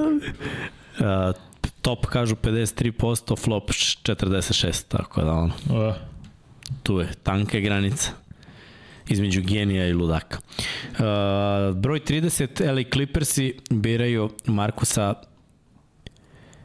Jesejser, Sejser. playmaker sa Houstona. Četvrta godina na Houstonu, što znači da već sad ima 23 godine, što je znači moje telo je spremno za NBA. I to je glavna stvar možda za kad gledamo za Los Angeles Clippers, njima treba igrači koji će odmah da doprinesu. Jer su sada spremni da učine nešto u play-offu i napokon dođu do NBA finala. A Sesar kao vrlo dobar playmaker i zaista na Houstonu igrao odlično, može to da bude sa klupe. Dovoljno je zreo, znači nema 19-20 godina, ima 23 godine, ima NBA telo i može da doprinese dobre minute sa klupe za Clippers i eventualno nekim momentima čak i da startuje već sada u ruki godine, jer mislim da je spreman za NBA. Dobro. Pazi, To je. lepo oni mogu da sklope ovu ekipu. Mislim, to bi, to bi bilo to što se tiče prve runde. Da. Nije Vanja uradio mok i, i za drugu, a što se tiče prve, eto videli ste otprilike kako Vanja razmišlja, da li će to biti tako, da li neće, analizirat ćemo, pričat ćemo, definitivno ovaj, Evo sad je Scott Henderson favorit da bude drugi pik na draftu. Da, pa dobro, to će se menjati, to su uvek one spekulacije, hoće, neće, kako vamo, ali eto, u četvrtak je draft, u noći četvrtak na petak je u dva ili u pola tri? Mislim da je u tri. U tri? Siguran. La, se pogledao. la, la, la, la, la. Dobro, će nas i cepaju Turci. Znači, da kažemo da ćemo u petak manje analizirati taj draft. Pa ne, ovo, Sećam se ove dok sam ga počinje- prenosio, zna to da se, počinje, da se počinje otuži. dva ujutru. da, u dva. 8 p.m. Eastern time. Da, da, da. Dobro, to je, to je dva. To je prihvatljivo. Ma de je prihvatljivo, brat.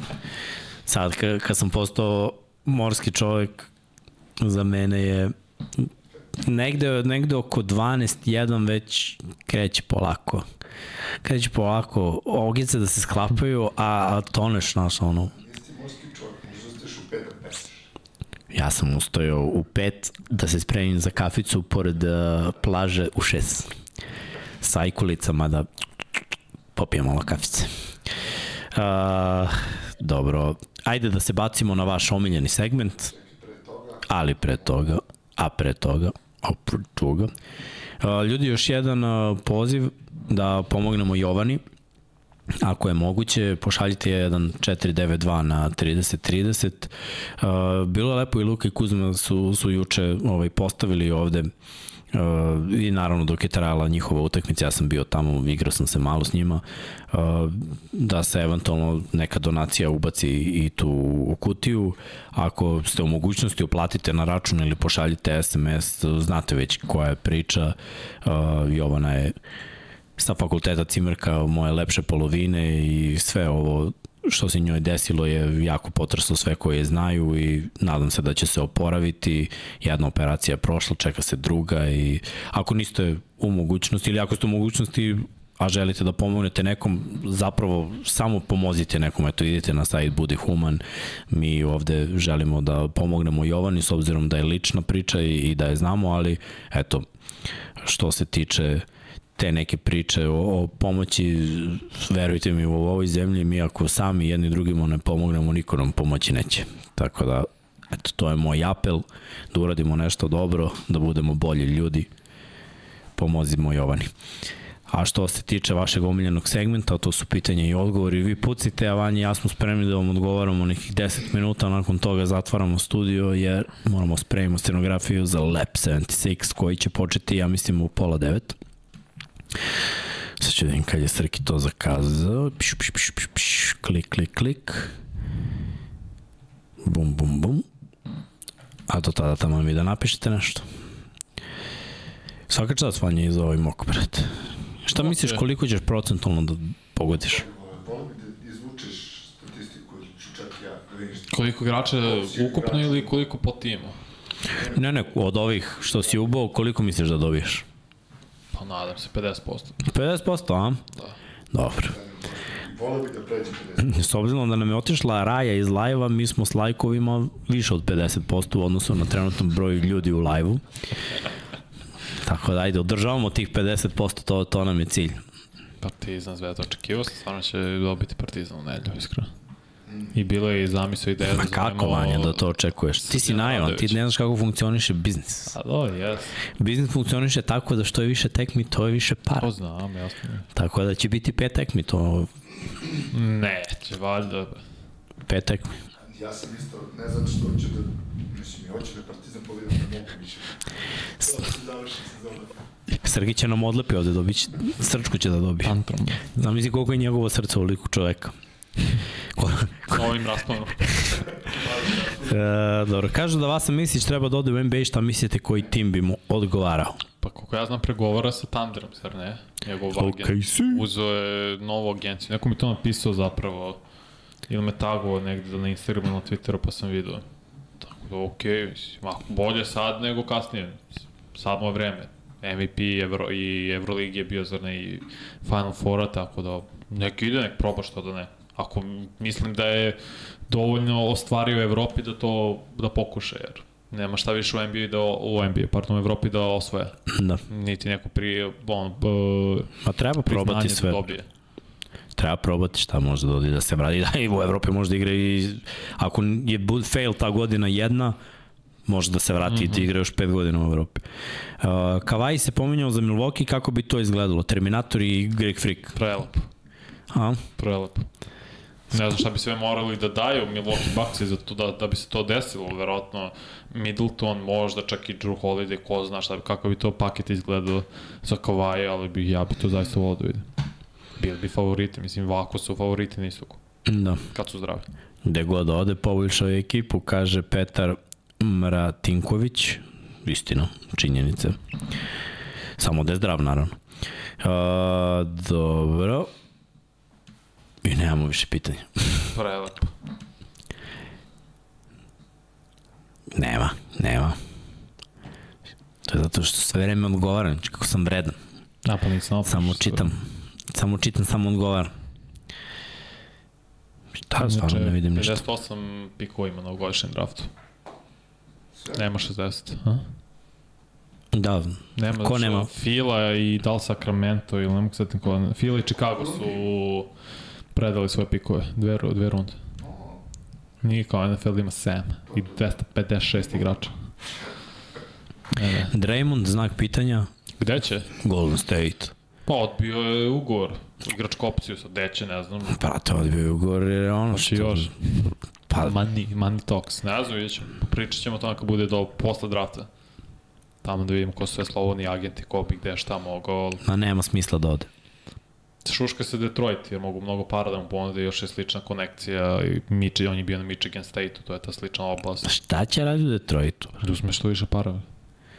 Bio viđen u Francusku. A uze on vanja dovoljno para, mislim, Ja ti samo kažem šta čujem. ti hoćeš još para, da? Neću, ja, ja bih volao da on ode, da ostane u Golden State, ako bi negde trebao da ode, možda trebao da ode u Memphis. Kupa se tamo sa... Ja, gde se uklapa? Golden State, ja kažem Bojana i to je to. Ja mislim da će ostati u Golden State, ali ako želi da ide, eto ti Memphis. Putu i guvane. Uh, koga će Denver draftovati? To je dosta ljudi spomenulo sa Nogo. Kao backup centra. Koji je pik Denver? 37. 40. Do. Možda bi trebalo da gađu i neko krilo. Još ako se penzioniše ili, pa da kažemo, ode. U stvari ne mora ni da ode Jeff Green, ali možda neko mlado krilo koje će ga naslediti za godinu dve. Dobro, ima smisla. Sad mi palo na pamet da je Ja Morant zapravo pravi igrač za run and gun. Ja, čovjek šta radi. Čovjek mu uzme, lju, uzmemo mu mikrofon i on i dalje. Niste čuli Srki, a ne, sad, sad ćemo mu vratiti. Od sad će Srki na bubicu. Imamo, stavimo bubicu tamo i da ga povežemo, da ga povežemo u program. A šta razmišljam, Sidi su ovaj... Kaže, Ja Morant je pravi igrač za run and gun. Srki. To je rekao. Sad razmišljam, Sidi, si, si Soko i ovaj Jordan Walsh, Walsh imaju smisla za Denver, kao krila, neka krila slash četvorke. Dobro, da, pa mislim, to je Gordon i, i Jokara i to je to što se tiče, Pa da, da. treba, treba malo pojačati. Uh, brr, brr, brr. Kažu Amari Bailey ide u Denver kao 37. pik. Ne se ne, ne sviđa on uopšte kao igrač. Ne Ne, sviđa mi njega, se. Ni Imoni Batesa, te igrači sa društvenih mreža i to ja ne mogu. To ja nek, dobri su oni igrači i Bates je stvarno i bio najbolji srednjoškolski prospekt. i A mi što smo ovde sa uh, društvenih mreža, Mi nismo društvene mreže. Ja ne znam da li YouTube spada u društvene mreže, tehnički. Čekaj, čekaj, kaže Miksa, imali ste nameštenu ekipu, mi šest plejeva, vi svi centri. Burazer, ako sam ja centar, hvala. što niste rekli da igram za vas? Ja sam taj koji prevagu nosi, Bruce Brown, a.k.a. Mixon. Niks. Steph Mixon. Neko. Kad pocrnim, dobijam 10, 10 na skill, na overall. No, na raspon, na raspon ruku, bar još 10 cm. dobro je bio Mani uh, na UCLA, ali ne, ne znam, meni nije moj tip igrača prosto.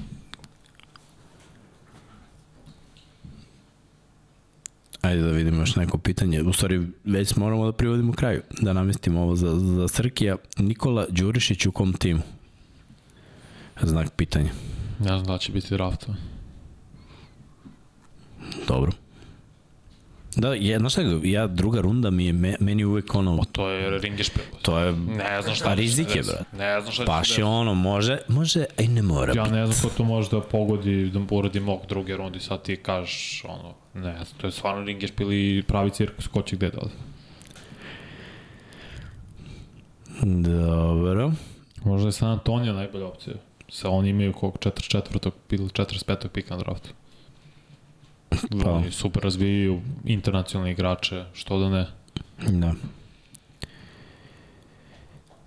Neki slobodni agenti, veterani, vredni pominjanja. Gde će John Wall, pita Miloš Novaković. Ne znam da će igrati više u NBA John Wall. Misliš? Pa nije dobio šanse, nije, sad je dobio malo šanse sa Clippersima ove godine i otpustili su ga. Nije igrao pre toga. Kako šta to, brate? Viš kako neka telo ne može da izdrži atleticizam? A nije ni prilagodio svoju igru trenutno u trenutnom NBA. On je uvijek bio brzoplet, previše brz, bez šuta. Nikako nije unapredio svoju igru da, da je prilagodi današnjem NBA. On bi bio sjajan da je bio draftovan 2000-te, pa da odigrao većinu svoje karijere u tom periodu. Ali nije, nije prosto nije prilagodio, da, prilagodio današnjem NBA. Nije napredovao s vremenom. You know nothing, John Wall. A šta da mu radim? Super igrač i All-Star bio bi fenomenal. Lepote je bilo gledati ga kad ubrza i Zverina je, uradi cik-cak, dvokorak i još prebaci loptu iza leđa dok to radi. U jednom trenutku sam se baš ozbiljno pitao ko je najbrži, da li Derek Rose, Russell Westbrook ili John Wall. Bilo mi je onako njih trojica. Možda bi on najbrži, kad pričamo o čistoj brzini, ali nije imao atleticizam i tu eksplozivnost kao ova dvojica, ali brzinom... Ne mislim imao da je on atleticizam kao ova dvojica, samo nije imao lateralnu promenu kao ova dvojica. Mislim, nije imao je tu taj trzaj kao njih dvojica. Mislim da je imao atleticizam, ali ta eksplozivnost, taj trzaj Imao je, sve brat, fali. samo nije on toliko, na šta, ova dvojica su napeti. S tim što je Derek Rose jako mekan na završnici za, za, za one mišići, on, on napet, Russell je napet toliko da, samo je pitanje kada će da pukne. Ovaj, ali John Wall je nekako izgledao najfluidniji od njih. Yes. To, je, to je, i da je, i to je atleticizam, znaš, samo, Znači, bolje kontrolisao telo svoje i u tome... to je dar, to je prirodno. Da, da. Nije, nije, nije to do njega, to se rodio takav, Tako, znaš, okej. to, to, to, je ono, to je od Boga. Mislim, kad uradi, uh, kad ide do kraja, poradi 360 u vazduhu. Uradio više puta to. Sad Ubica će je, jedno bre. Matt Barnesu, kako je ovaj se postavio za faul napad, uradio 360 da bi ga izbilo. Ne, ne, stvarno je bio. I ovo što je kucao levom rukom, to mi je skroz bilo cool. Ja nemam pojma, brate, da li bi levom rukom mogao. Znači, loptu da uhvatim. Da, da, da mi ne ispadne. Pa mogu šutirati na levom rukom. Mogu da šutnem, ali ne mogu kut, brate, ku za kucanje ti treba Ne. agresivni potez rukom, brate. Te, nema, nema teorije. Ja sam izbegavao ono i neke pokušaje kad je lopta ono, u američkom futbolu ide lopta na levu i kao da li da probam jednom, ne, veću. Teo drvo. Uh, ajde, ajde, još dva pitanja i gasimo. Gas stream. Šta mislite, da li se Harden vraća u Houston kao što se šuška? Ja mislim ne, ali rekli smo to pomenujem sad da se šuška. A ti Vanja? Šuška se. Ja se nadam, ne. Nadam se zbog mladih igrača Houstona. Iskreno. Pa, Ne bih volao da potpišem da. Hardena da sam ja GM Houston, jer imam mladi nukleus, mladu jezgro igrača koji mogu da razvijam, koji sam draftao u poslednjih dve, tri godine. ako ga ne potpišeš, oni mogu da budu nova Oklahoma. Mislim, Pa okej. Okay. možda se, a to nije loše uopšte, mislim, Korak to je, korak, to je projekat. malo, to je ono što pričam, To. to, je Denver uradio strpljenje, polako. Ne, ne, Kako ne mora kažu, sve odmah. kako kažu nazi Damian Marley Sabali. Sabali. E, patience, božno to. Patience, patience. Uh, dobro, dobro. Kakvi će biti Mavericksi ove sezone i time zatvaramo ovaj segment, izvinite ljude, ali imat ćemo u sledećem ovaj, podcastu malo više vremena i, za odgovore na ova pitanja. Svakako, ako imate nešto da pitate, vi ostavite u komentaru, pa ćemo mi to naravno uvek da odgovaramo kao što smo radili i do sada u ovih 25 prethodnih podcasta. Mi volimo da se dopisujemo s vama. Sve kritike, zamerke, pohvale, slobodno pišite tamo. Mi sve cenimo, sve to u cilju unapređenja. Tako da, posljednje pitanje, kakvi će biti Mavericks ove sezone? A pojma, nemam ni kakav će roster da im bude. Ajde, da Atla krenu. Mislim da će tradeovati 10. pika, nešto se spekuliše da pričaju sa Atlanta Hawksima da neko tradeuje 10. pika i još nešto za Clint Capellu i za John Collins.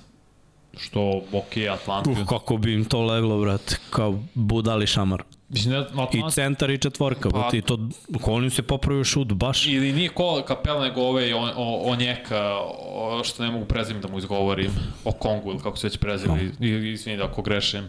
Mislim da je zapravo Collins i on, ne Kapel. Dobro, Collins je tu bitniji meni, Collins je dobar defanzivac. Da, oni hoće zapravo cap da smanje Atlanta Hawks. Uh -huh. Da što Collins ima e, veliki ugovor i tako potnude tim imali bi 10. pika i 15. što znači da mogu da izaberu neku novu startnu četvorku, opet da izaberu šutera kao što sam im dao Grady Dicka, mm.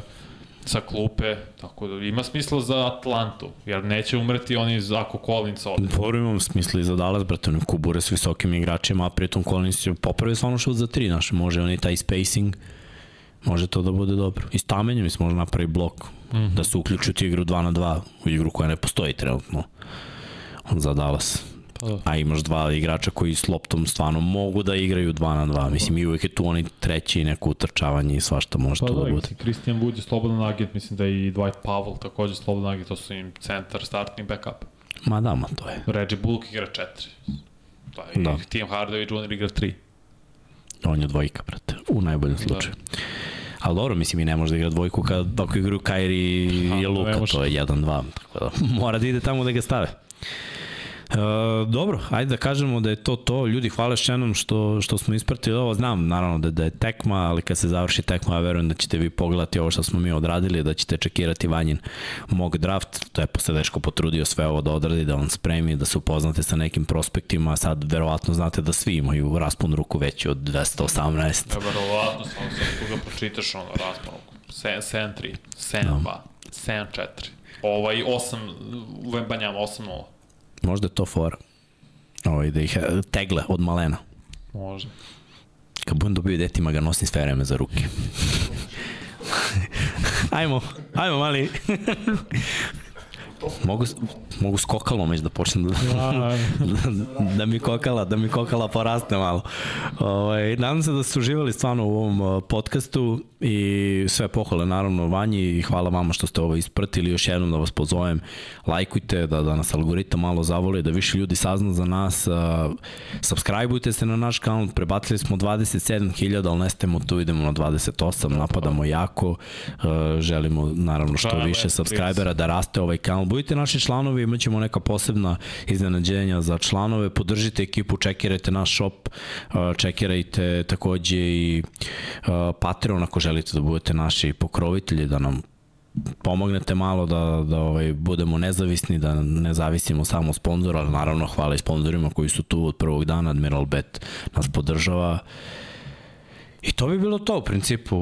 Opet da vam pomenem, samo pišite komentare kad se završi video, kad nađete, pišite sve kritike, pohvale, sve što vi mislite da mi treba da ispravimo, popravimo, neke vaše ideje za, za nastavak i imat ćemo gostovanje, bit će svega i svačega u planu, naravno do kraja ove nedelje sledeća emisija posvećenja draftu, a nakon toga imat ćemo hiljade i hiljade tema. Takođe za sve ljubitelja američkog futbola da kažemo da Power Ranking power ranking kreće sada od mm -hmm. ovog petka, tako da ćemo i to odraditi. Jimmy je to inicirao, a sad smo svi tu i vrlo verovatno će cela ekipa biti na okupu, što je onako baš wow i nije se desilo neko vreme, pa eto, malo šale, malo šege, malo zebancije. A vi mi budite dobri i Srki će sada da pusti Patreone, a mi se polako odjavljujemo i dok Patreoni traju, tamo onda mi lepo namestimo scenografiju za Lab 76 koji počinje u 20.30, a do sledećeg druženja ljudi veliki pozdrav iz Infinity Life Studio. Ćao!